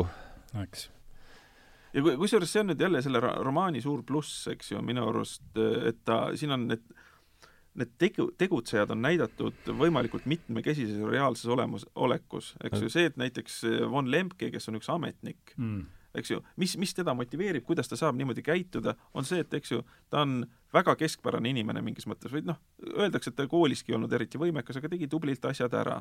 ja üks naine, eks ju, naine, kes on juba nelikümmend, ikka veel nii-öelda vana tüdruk, siis nad saavad kokku naine hakkab teostama ennast läbi mehe, sest ta upitab mehe üles, eks ju, mees hakkab teostama ennast nagu läbi naise, tahab talle tõestada midagi, tahab kätt, tahab asju paika panna, eks ju, et noh, kuidagi mingid niisugused väga inimlikud motiivid. kas naine on vist ka rahakas või? jah, naine on ka rahakas, eks ju, ja siis äh, naine jälle tahab olla kuidagi moekas, eks ju, noortega läbi saada, sest tal endal lapsi ei ole, eks ju. ja kuidas sihukestest asjadest tuleb kokku see käkk, eks ju. käkk on ikka päris korralik seal. käkk on päris korralik ja see noh, Lemke on niisugune keskpärane ametnik, kes tahab ennast naisele tõestada, eks ju, naine tahab ennast tõestada võib-olla endale ja see, et ta saab väga progressiivse noorsooga läbi ja et need, need agendid ongi siin väga-väga inimlikud kogu oma inim-, inimlikes suhteseostes. et see on minu arust nagu väga hästi välja toodud Dostojevskil. jah, progressiivsus käib ka kogu aeg niisuguse äh, teema, alateemana läbi. progressiivsus ja ideed, on ju. vaata, kui palju Dostojevski kasutab seda väljendit, ideed et, et huvitav, see on ka ilmselt mingi ajastu märk, et, et no, ideed on oluline, sellel ajal räägitakse palju ideedest. no ideed ongi, nagu sa väga ilusti ütlesid ennast, et need ongi need sortsid ja, ja, ja, ja noh, eks on mitmesugused on need. no meie räägime praegusel ajal rohkem progressist kui ideedest, eks, oma ühiskonnas või noh, kus me sellel ajal oleme, on ju, nii et, et siit võib nagu selles mõttes on minu arust huvitav vaadata, et äh, et kui nüüd äh, meid juhtuvad kuulama need inimesed, ma mõtlen ka kogu aeg, või noh, ma kogu aeg ei mõtle, aga et, et ma mõtlesin vähemalt siia tulles selle peale, et, et me räägime siin saates sellest raamatust, mingi osa, kes on seda raamatut lugenud, nendele nagu ei ole mõtet nagu rääkidagi ennast, nemad teavad ise aga et, et kellele me siis võib-olla räägime, et võib-olla mingi osa inimesi, kes ei ole tõesti seda lugenud või, äh, või ei ole äkki üldse Dostojevskit lugenud, ega see on ka ju lõppude lõpuks võimalik. Et äh, suurem osa, noh, võib-olla enne vägagi võimalik. noh, enne, võib-olla eriti praegusel ajal, eks, et, et meil oli küll, ma mäletan ka, et, et, et keskkooli ajal ütleme noh, kuritöö ja karistus oli kohustuslik, eks ole, ja ma suutsin kuidagimoodi kuidagi sellest nagu kõrvale nihverdada. sellest ei olnud palju, meie no, ajal polnud, polnud enam palju vaja leidlikkust. onju, et, et noh, luges mingisuguse lõigu võib-olla seal läbi või midagi, igatahes ma ei lugenud tervet seda raamatut läbi. Ja et, et Dostojevskit ma hakkasin lugema nagu, et, et sügavamalt peale keskkooli millegipärast, siis tuli nagu endal järsku isu ennast, nii palju, niipea kui kohustuslik oli, nagu enne me ju ajasime särad vastu kõigele, eks. no mitte kõik, eks, aga et osad vähemalt. Äh, aga et, et minu jaoks oli nagu esimene oli Idioot, eks, ma lugesin mitu korda kohe läbi. Ja, ja siis, ja, ja siis alles nüüd üsna hiljuti tegelikult ma lugesin Kuritöö ja karistuse. Nii et see ma mäletan mul..., kui sa lugesid, siis me oleme tuttavad juba. jah, see oli mul pikka aega veel lugemata. ja Jeerum no aga sul on juba lõik valmis ei jah, ma tahtsin nagu tuua selle näiteks, et kuidas ühes kohas need eh, noored eh, võrdsust ihalevad idealistid saavad kokku ja kui, kui toredalt on Dostojevski näidanud, kuidas mingid inimlikud naginad hakkavad seal nagu kohe automaatselt genereeruvad. eks ju, nad saavad seal ühe inimese juures kokku ja juhuslikult on ühel nimepäev, eks ju, ja siis oh, jah. Siis tuleb see küsimus, kas noh, nime, nimepäeva tähistada lihtsalt korraks nagu mööda minnes püstitub, eks ju Äh, nii jah, ja siis üks noh, Stavrogin küsib seal teed ja siis üks ütleb, et andke muidugi, kes siis külalistest seda veel küsib ja koort andke ka, teil pakutakse tee asemel alati niisugust vastikut lurri, ise pühitsete veel nimepäeva. siis kuidas? kas, kas siis, kas, kas siis ka teie tunnistate nimepäeva pidamist, puhkes tudengineiu naerma. Me rääkisime just sellest. vana laul ühmas gümnaasiumiõpilane teisest laua otsast ja see uus mis vana laul, eelarvamustest lahtiütlemine, olgu need kas või kõige süütumad, pole mingi vana laul, vaid vastupidi, üldiseks häbiks ja alles ikka igal pool uus. kähvas tudengineiu lausa toolilt püsti hüpates ettepoole. pealegi pole olemas süütuid eelarvamusi, lisas ta ägedalt. ja nüüd gümnaasiumipoiss, ma tahtsin ütelda vaid seda, gümnaasiumipoiss läks koledasti vaost välja, et eelarvamused on muidugi igand ja tuleb loomulikult hävitada. Aga nimepäevast teavad juba kõik ja see on rumalus. Ja see on liiga vana laul, et kaotada kallist aega, mida niigi palju on juba kaotatud. Ja oma teravmeelsust võiks kasutada hoopis tarvilikumate asjade peale. kole pikalt heietate seal, mitte millestki ei saa aru, hüüdis tudengineiu. minu meelest on kõigil ühesugune hääleõigus, isegi kui mina tahan avaldada oma arvamust, nagu iga teinegi, siis keegi pole teil hääleõigust ära võtnud, lõikas nüüd juba perenaine vahele. Teil palutakse vaid jätta niisugune nämmutamine, sest mitte keegi ei saa mõhkugi aru lubage siiski märkida, et te ei pea minust lugu, kui ma ei suutnud oma mõtet lõt-, lõpetada, siis üldsegi mitte sellepärast, et mu mõtted ei ole, vaid pigem mitte mõtete üleküllusest, pommisest poist. ja no niimoodi läheb täiesti pläkutamiseks, eks, igalühel on oma võrdne õigus avaldada oma mõtteid, kel-, aga ikka käib närvidele ja niisugused asjad ja siis kui täielikult oma eelarvamustest lahti saada. kust tuleb eelarvamus, et on perekonnad olemas? Kas see on piisav eelarvamus, et nimepäevi tuleb pidada või mitte ja niimoodi, et noh, kuidas täiesti mingiks tobedaks laadaks lähevad, kus lõpus lähevad kõik tülli omavahel ja noh, et see on kuidagi nii hästi välja toodud. ja siis astub sisse jälle Pjotor Verhovenski ja kasutab olukorra ära ja paneb, paneb liini käima, eks ole, omas suunas. ja seal on see käe tõstmine tuleb kohe järgi, mul oli ka see koht ära märgitud, jah. jah, kus läheb siis no, hääletamiseks. hääletama ju, eks ole ja, jah jah, ja kus keegi õige, õieti ei saagi aru, mille poolt hääletatakse ja, ja kõik ikka hääletavad ja kas nad on nüüd kambas, umbes noh, kas me oleme nüüd progressiivsed ja teeme kohe täiesti kärtsu-mörtsuga asja puhtaks ja lähme edasi või? Ja okei okay,, eks ju, see karjainstinkt ja see dünaamika on kuidagi nii hästi välja toodud. ka väga ajatu. Hardo, kas sul oli just tsitaat seal valmis? ei, las olla, ei ole, räägi, räägi. Aga mul on sealt ah,, mul on selle, selle samuse jaa, asja ma jätsin meelde, kui mul pärast on mul on selle samuse asja kommentaariks kohe, kuna see tuli üles kolmsada nelikümmend kolm, aga, aga jah, kolmsada nelikümmend kolm, Kärata vaid, et ta pole küllalt liberaalne ja ta on valmis tulle minema. jah, täpselt see, just kuidas, kuidas noori manipuleerida, see oli jah see koht. näed, me juba loeme üksteise mõtteid. jaa, aga üks oli veel uh,. Äss-, ässitage neli ringiliiget viiendat maha koksama, ettekäändel, et too on ülesandja ja silmapilk seote nad valatud verega nagu ühe mm. köiega kokku. ja veel enne seda ja lõpuks see kõige peamine jõud, see tsement, mis kõik kokku seob, häbi oma arvamuse pärast jah, seal, kus, kus on, et need, eks ju, kuna kõigil on ideed, õi-, õiged ideed, mida tuleb järgida, sest nad on progressiivsed ja nad saavad aru, mis on õige, eks ju, umbes võrd-, nad saavad aru, et võrdsus on hästi tähtis, nad saavad aru, et eelarvamused on tähtis. on halvad. eelarvamused on halvad, eks ju, igasugused eelarvamused. aga jah, see häda tuleb sellest konkretiseerumisega, noh umbes täpselt, kas nimepäeva tohiks tähistada või mitte või on see ka vana, liiga vanamoodne asi hästi jube lähevad tülli, eks ju, sest sealt tulevad nagu omad arvamused. ja see võtab ju kokku selle jah, äh, ja see on see, mida me ju näeme sisuliselt praegu, kus see äh, progressiivne pool noh, täpselt sama, äh, vabad või tähendab, võrdsus on üle kõige, eelarvamused on halvad, aga nad ju kraaplevad seal omavahel vaata, et varsti juba suurema sellise kirega kui, kui siis vastaspoole vastu. jah jah, väga-väga kiirelt minnakse tülli, eks ju, ja selleks, selleks, et nii-öelda seda võib-olla nüüd jälle on natuke tagarääkimine, aga see Facebooki grupp Virginia Woolf sind ei karda, et see, ma olen, ma olen seal vaadanud, tõepoolest see on nagu nii huvitav, kuidas nad lähevad omavahel tülli. Ja eks ju ainus viis seda, sellest tülitsemisest lahti saada on kehtestada järjest rangemaid reegleid, kuidas sealt võib käituda. ühesõnaga, vabadust tõmmatakse järjest koomale. või siis nagu see on nagu katselabor, see oli naljakas. või siis suuna, suunata see jõud ikkagi välisvaenlase vastu, see on ju ka ja, teine, teine selline äh, järele proovitud, järele proovitud sealt ma olen, ma olen nagu nii toredaid sõimusõnasid teadnud, mida ma varasti ei teadnud, kas te teate, mida tähendab džihett? See on väga alandav sõimusõna no ei tea. Cishet tähendab, see on kahest sõnast, üks on cis, mis tähendab oi, oi, oi, oi, oi, cis, see tähendab, et kui sinu seksuaalne orientats-, või tähendab, et kui sa oled mees mehe kehas või mm. naine naise kehas, see tähendab, kui sa, sinu vaim ja keha satuvad ühele poole, klapivad, sa, sa pole trans. ja het tähendab, et äh, oled hetero see tähendab, eks ju, tšihett on niisugune lame keskpärane, tüüpiline, et sul pole nagu, sa ei kuulu õigesse rõhumisstruktuuri sa pole trans ja sa oled hetero mm. -hmm. saad aru, et see minu arust väga alarakendatud sõimusõna tõesti ma annan sulle tagasi ja. selle, sul oli seal aga midagi ees.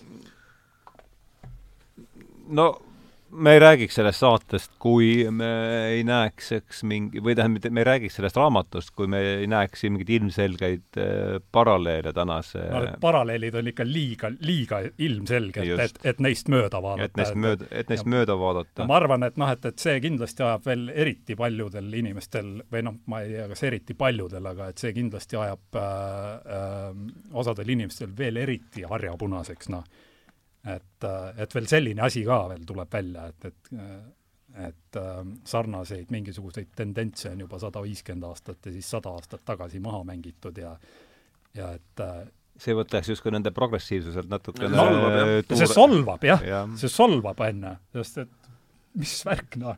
nüüd nad veel leidsid selle ka üles, keelaks selle raamatu ära, noh mm.. vihakõne et ja, ja sest tegelikult ma ise mõtlen ka, et nüüd, kui ma korraks tulen siia, tuletan meelde, et meil on nagu sa-, saade või mida keegi võiks jälgida, et tõepoolest natuke hermeetiliseks võib jääda, me teeme viiteid sellele raamatule ja ja mis ma oskan öelda, ma soovitaks lugeda tegelikult seda, võtta, võtta see aeg no,. jah, see on ju siin ka korduvalt läbi käinud. jah, ja ma ütlen ka, et, et see ei ole lihtne, et ta selle teemani, mida me siin täna kõige rohkem oleme käsitlenud, et ta võtab kakssada lehekülge hoogu.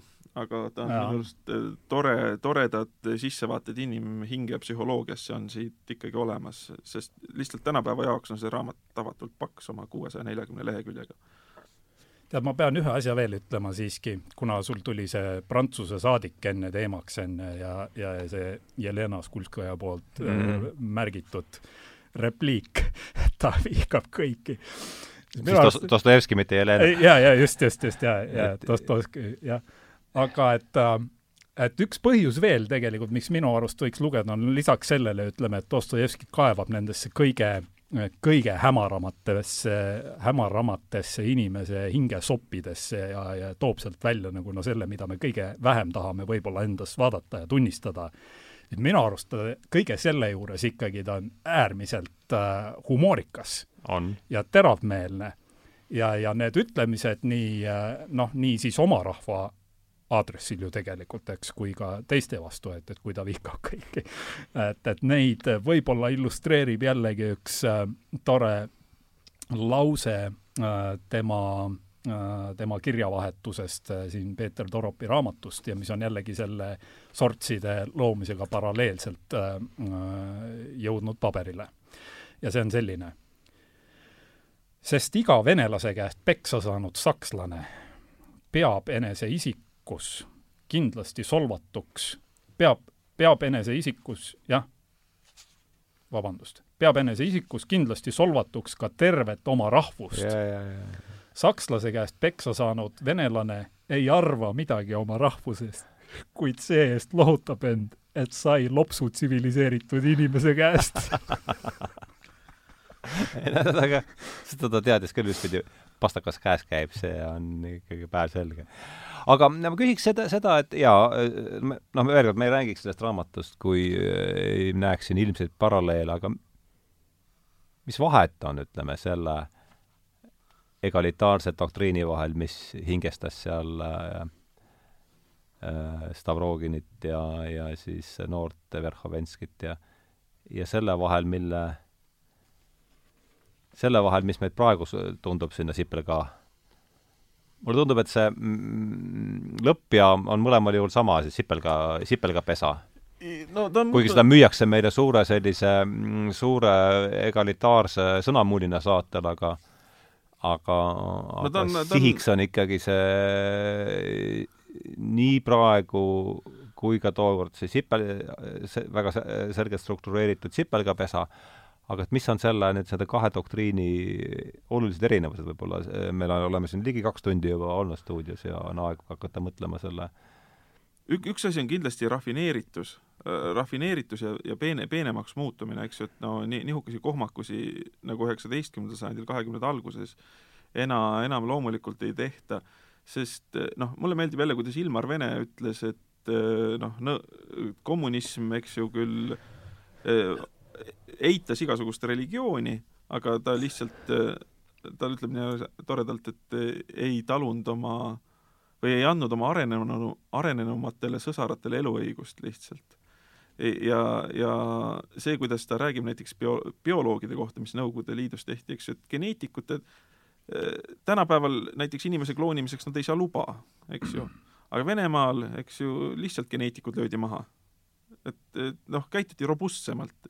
Ja tänapäeval lihtsalt keegi pär-, pärilikkusest liiga palju patrama hakkab, siis teda noh, ignoreeritakse ja öeldakse, et see pole, pole piisavalt tõestatud, eks ju, sest äh, tõsi on ka see, et pärilikkuse õpetus, vot, vot see on, vot see on üks nüüd väga va valus koht selles mõttes, et äh, Prantsuse revolutsioon, eks ju, ta üritas ära kaotada äh, pärandamist, pärandumist, noh, seisuste pärilikkust, siniverd. aga asi on selles, et äh, viiskümmend üheksa, kui mul Darwin välja tuli, küll toorelt, eks ju, äh, tuhat kaheksasada viiskümmend kolm tuli oma, viiskümmend üheksa tuli liikide tekkimisega, siis veel tegelikult arusaama geenidest ei olnud. et äh, Watson ja Crick ju geenid panid paika alles pärast teist maailmasõda, viiskümmend kolm. ja siis on muudkui avastatud, eks ju, et see, kuidas, kuidas elu levib kõige sügavamas bioloogilises tasandis, on see seksuaalne äh, paljunemine, et see on erinevuste genereerimise mehhanism, eks ju. ja, ja tähendab, nüüd on, ma ütleks, et bioloogia on nüüd kõige ideologiseeritum teadus.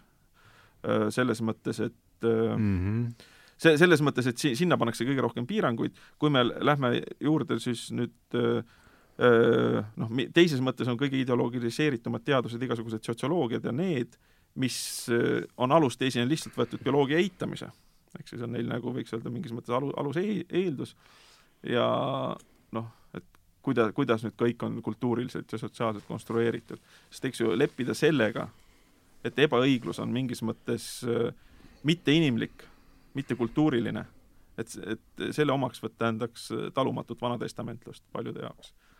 ja, ja selles mõttes, et need noh, õigluse mõiste on üks noh, tänapäeva teoloogia alussambaid mingis mõttes, ma arvan mm. -hmm. aga nüüd, nüüd ma vist kaldusin küsimusest eemale. ei, no mitte tingimata, et aga mis sa rahu, erinevused siis äh, selle egalitaarse doktriini ah, tookordse avaldumise ja praeguse vahel, et mis, kus, mis sa siin näed? ja ma pakun oma, seejärel ma pakun nagu oma mõtte välja ja siis vaatame, mis mm, ma ei saa jätta sõnasabast kinni võtmata ja, ja kuna, kuna täna on juba paar korda isiklikuks mindud, siis öelda, et Vana Testamenti ei sobi ju lugeda, seda soovitas Igor Gräzin, tead mm. -hmm. aga tema on meil paremäärmuslane juba või? no okay. ma arvan, et juba läheb üsna kergelt ikkagi sinna valdkonda ka, et, et noh, meie, meie niikuinii. noh, Trump on ju Hitler, on ju, vähemalt, eks, okei okay..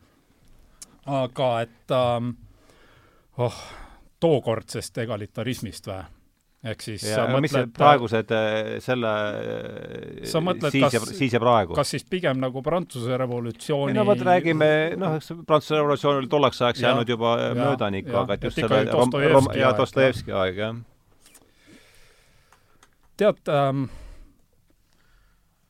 ma julgen nagu siukse, siukse röögatu idee välja käia, et mitte midagi ei ole muutunud mm.. onju, vorm on loomulikult muutunud, eks, äh, tehnoloogia on loomulikult arenenud, äh, aga et äh, ma just lõpetasin, ma just lõpetasin Platoni Politeia. lõpetasid, jah? ma lugesin selle läbi, noh, ma olin nädal aega tõbine, eks, istusin kodus, võtsin tablett, võtsin rohud ära, nagu öeldakse, eks. see on tugev, see on tugev ravim. võtsin, võtsin rohud sisse ja siis lugesin Politeia läbi uh,, The Republic, eks ikka ingliskeelse versiooni, kuna, kuna ei valda uh, kreeka keelt uh,, ei ole, ei ole kunagi õppinud ja, ja siis uh, ja ma ütleks, et tollest ajast ei ole midagi muutunud.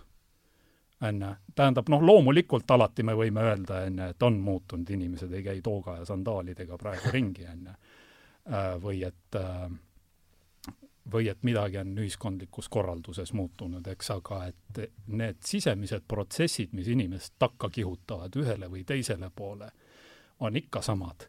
ja inimese intellekt, äh, kui see on terav, leiab sama, sama, ütleme, sama selgeid ja, ja sügavaid nüansse mm. -hmm. nii et väga-väga äh, äh huvitav oli minu jaoks just vaadata seda, kuidas äh,, kuidas Platon äh, nagu noh, toob välja, see, ütleme, okei okay,, selle raamatu nimi on noh, riik või, või The Republic, eks see tegelikult riigist ei ole midagi juttu ju, on ju, juttu on inimesest. ja sellest, äh, mis on need sisemised äh, väärtused. tõukejõud ja. jah, tõukejõud ja väärtused ja, ja mis on äh, õiglus tegelikult ju, eks, ja mis, miks see on tähtis ja ta ju kaevab ka enda sisse tegelikult, on ju, ja ta noh, ta jällegi kujutab seda ju ähm, dialoogi vormis ja, ja Sokrates on ju see, kes räägib, eks. nii et, et äh, et ikkagi minnakse nende põhiliste ja kõige sügavamate asjade juurde ja need on kaks tuhat viis, kaks tuhat viissada aastat tagasi Äh, need juhtivad jõud, mis inimest panevad üht või teistpidi käituma ja teda siis ühtlasi kas, äh, kas ähm, saavutama mingisugune teatud kvaliteet või noh, kirgastumine on natukene, eks, väga-väga karm sõna, on ju, väga, väga vinge tase, aga et saavutama mingisugust teatavat äh, lugupidamist väärivat kvaliteeti, ütleme niiviisi. või siis Äh, neid äh, väärtusi eitades minnes põrgu, otsejoones, eks, omaenda sisimas. ja et, äh, et kui sealt edasi vaatad, et ükstapuha, kus ajaloo joonel leiad mingisuguseid vääriskirjanduse noh, verstaposte, on ju, olgu see siis Dante jumalik komöödia või, või olgu see siis veel üks huvitav asi, Machiavelli on ju. ma just lugesin selle ka läbi. ahah, nüüd selle, kõik selle The Prince, jaa. lugesin just selle ka läbi ja, ja vaatasin ka, noh siis äh, ühtlasi lugesin mõningaid arvustusi ja ja, ja ja huvitav oli siis jälgida ka, et, et, et missuguste väärtushinnangutega neid, neid avaldusi või siis hinnanguid seal välja käiakse. et kui sa vaatad nüüd, ütleme, seesamune äh, äh, professor Holmes, on ju, kelle videot sa ka jagasid, on ju, Read the Republic. Äh, töötas sul samamoodi töötas nagu mul mul? samamoodi, lugesin läbi kohe. aga et ütleme, et tema loengud on üheksakümnendate algusest, eks, ja et ütleme, et siis ei olnud see noh, ma ei tea, jällegi ribe, liberaalsust, kui nagu sõnakõlksuna kasutada, on kuidagi natukene võib-olla liiga odav, on ju, aga et siis ei olnud see hullus nüüd ütleme nii hull, nii hulluks läinud no, hüperliberaalsus on see, Enne. mille, mida Gray Ja. minu meelest väga et siis ei olnud veel nii hulluks läinud ja ütleme, et, et tema, tema ajal äh, räägiti nendest teostest teatava austusega, eks, ja austus on põhjusega, hea, hea põhjus on sellel austusel. Aga et äh, nüüd ma lugesin äh, just äh, mm, Politeia mingit kommentaari, hinnangut ja esimene ma asi, mis esimene asi esimene asi, mis on äh, Goodreadis äh, äh, üleval. Plato was stupid, eks Noh. ja siis tuli muidugi seksist ja on ju kõik, kõik see, eks ole. No mis tähendab jälle austuse puudumist, eks ju, ehk hier- see on ük, üks viis äh, nii-öelda hierarhiat eitada. ja, ja noh, ütleme, et, austuse ja tänulikkuse ja, ja noh, siit edasi ütleme, et miks ma seda pikka, pikka juttu siin heietan, on see, et, et ma püüan nagu seda noh, sinu küsimust, millele on mul väga raske vastata, et ma püüan nagu ähm, äh, juhtida sellele tähelepanu, miks, miks minu arvates ei ole midagi vahet. et miks need äh, ähm, sortsid siis inimese sisimas, mis sunnivad äh, meid vastavalt käituma, mis sunnivad suurt massi eriti äh,, eriti pöördesse minema, eks, eriti pööraseks.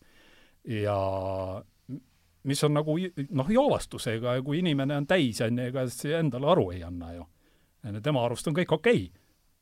Kõik ongi õige. jah, see on see hiljem, hiljem see- vaatame, et me praegu analüüsime jah, saja aasta taguseid sündmuseid, eks, aga et jällegi, et, et äh, kujutame korraks ette, et noh, et, et me oleks, on ju, üks ühel pool, teine teisel pool rindejoont. loomulikult me alati arvame, et mina oleksin seal õigete poole peal ja on ju, mina mõtleksin see õigeid ideoloogia annab selle veendumuse, et sa oled õige pool. aga et noh, et aga et raamat annab jällegi, minu arust jällegi raamat annab jällegi selle võimaluse äh, kõik need äh, küljed ja kõik need osised läbi vaadata ja tegelikult aduda, et, et noh, et, et kus äh,, kus suunas ühest või teisest punktist lähtudes võib liikuda.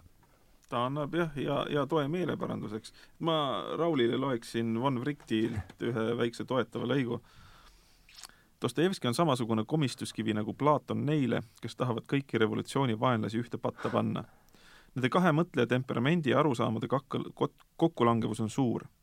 Mõlemad on ülimal määral radikaalsed ja düna- dünaamilised ning omal moel kombel revolutsioonilised hinged. kummatigi kummagi seisukohti ei saa panna toetama mingit pühi, püsivat ühiskonnas ja riigis. mõlemad on täiesti mittekodanlikud, kuid mõlemad on ka kindlalt veendunud selles, et inimest pole võimalik muuta elu väliseid vorme kummutades. väga oluline koht minu arust mm. -hmm. et Jah. inimest pole võimalik muuta tema elu väliseid vorme kummutades. mõlema ja- jaoks on uuenduseks vaid üks tee, sisemise revolutsiooni pöördumise idee. Platoni jaoks on see pöördumine padeia, intellektuaalse karakteri vormimise kaudu, Dostojevskile pöördumine Kristuse kaudu. et noh, et kusjuures, kusjuures ma aga tuletame meelde Nietzsche't, mis ütleb, et äh, kes ütleb, et äh, platonism on ju, või tähendab, Kristus on platonism massidele, nii et ja, ja et loomulikult nende kahe asja nii-öelda sugu, sugulus on suur ja ja noh, kui võtta see, kuidas äh, minu arust on ka tähenduslik see, et äh, kuivõrd äh, kaasa resoneerub äh, Jordan Peterson, eks ju, kui palju masse ta haarab, siis ma ütleks, et eks ju Kristuse, Kristust ta tegelikult palju ei puuduta.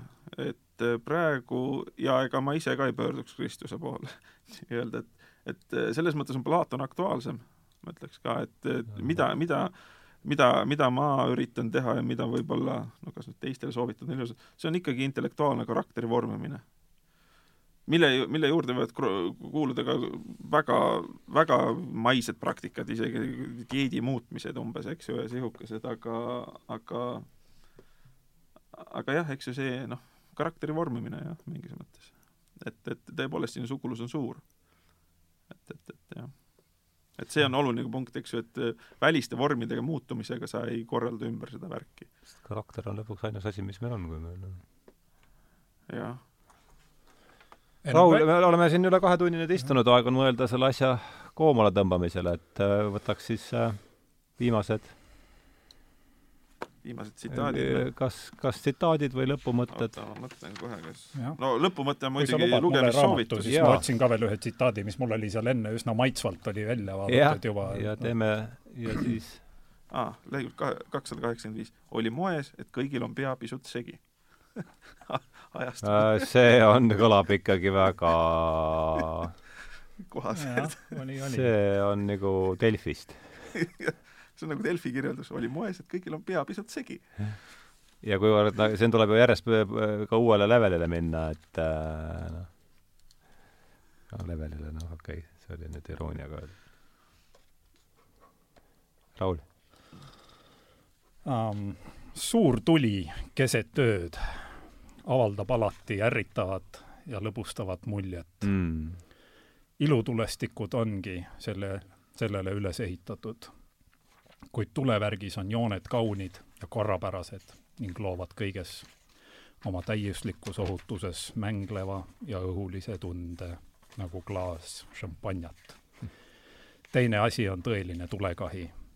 õudus ja teatud isikliku ohu tajumine kutsuvad lisaks öise tulelõõma tekitatud rõõmuelevusele pealtvaatajas muidugi mitte paljaks põlenud omanikus esile mõningase ajuvapustuse ja mõjuvad väljakutsena tema sisemistele purustavatele instinktidele, mis on paraku olemas igas hinges. isegi kõige vagurama perekonnaisast titulaarnõuniku hinges. See sünge tunne mõjub peaaegu alati joovastavalt. ja mul väga, ja, ja siin ma tõmbangi sellele asjale nüüd äh, joone alla, sest mulle, mulle, see haakus väga hästi sellega, mis sa, mis sa siin ütlesid äh, vestluses võib-olla minutit nelikümmend tagasi, et äh, või oli see noh, kusagil sealkandis, et et kui me sellest õigusest olla auto kinni haarame ja need sisemised barjäärid, äh, leiame mingi ettekäände nende sisemise, sisemiste barjääride eemaletõukamiseks, siis võtavad need hakkavad need ideed, sortsid või, või kurjad vaimud juba oma elu elama. ja ma mõtlesin, ma lõpetaks siis selle oota, ma tahan ka tsiteerida. no aga lase tulla veel ja siis. Võtke Žigaljov, jätke mind rahule. oh, Žigaljov muidugi. Žigaljov. Žigaljov on geniaalne mees. teate, ta on umbes samasugune geenius nagu Fourier. ainult julgem kui, kui Fourier, tugevam kui Fourier. ma veel võtan ta ette, ta mõtles välja võrdsuse. siis tal on palavik, ta sonib temaga on juhtunud midagi tõesti päris erilist, arvas Stavrogen veel kord mõttes, Verhovenskile otsa vaadates. see noh, Sony oli siin see ver-, noorem Verhovenski, kes siis Žigaljovit ja võrdsuse leiutajat ülistab, eks ju. tal on vihikus väärt asjad, jätkas Verhovenski. tal on seal nuhkimine, ühingu iga liige valvab teise järele ja on kohustatud üles andma. igaüks kuulub kõigile ja kõik igaühele. kõik on orjad ja orjuses võrdsed äärmisel juhtudel lähevad käiku laim ja tapmine, kuid peaasi on võrdsus. kõigepealt langeb haridus, tead-, teaduse ja andekuse tase. teaduse ande-, teaduse ja andekuse tase on kättesaadaval ainult suurematele võimetele. ärgu siis olgu mingeid suuremaid võimeid. suuremad võimed on alati võimu haaranud ja despoodid olnud. suuremad võimed saavad paratamatult despootideks, nad on alati rohkem laostanud kui kasu toonud Nad pagendatakse või hukatakse. Cicerol lõigatakse keel suust, Kopernikul torgatakse silmad peast, Shakespeare visatakse kividega surnuks, see on Žigaljovlus. orjad olgu võrdsed, desmo-, despotismita pole olnud ei vabadust ega võrdsus. karjas peab valitsema võrdsus, see on Žigaljovlus ha,. ha-ha-ha, see tundub teile võõrastav, ma olen Žigaljovluse poolt see on see, kus ja, hullub ilma, ilma despotismita pole vabadust ega võrdsust, see ja. on ja siia sobib nüüd ette lugeda see selle tsitaadi tõi Tammsaare ka välja sellesama artiklis, see oli ka tal see käis juba läbi, aga rääkides nendest sortsidest, et see on ikka, ütleme, sa tsiteerisid seda vestluse alguses, pärast seda on see mulle nagu selgemaks saanud, selgemaks saanud ja siis äh, Betty Alvere tõlge Puškinist, et vestluse lõpuks. küll ta müttab, küll ta sajab, silmi avada ei saa. küllap sorts meid ringi ajab üle tühja kõnnumaa. Kuhu lähevad need voorid, miks nii suur on nende arv, on see need tondi leinakoorid, on see nõia pulmaparv. et äh, eetris oli siis järjekordne Tähenduse teejuhtide saade, minu saatekülalisteks olid Raul Sööt, Mihkel Kunnus, rääkisime Fjodor Dostojevski romaanist Sortsid kurjad vaimud. või Kurjad vaimud. ja tänan kutsumast! ja oli jah su, suur tänu teile tulemast ja Lugege ja tutvud ja lugege, lugege Sortse või siis tühja, tühja vaime, kurja vaime, mis teil parajasti kätte satub. head õhtut!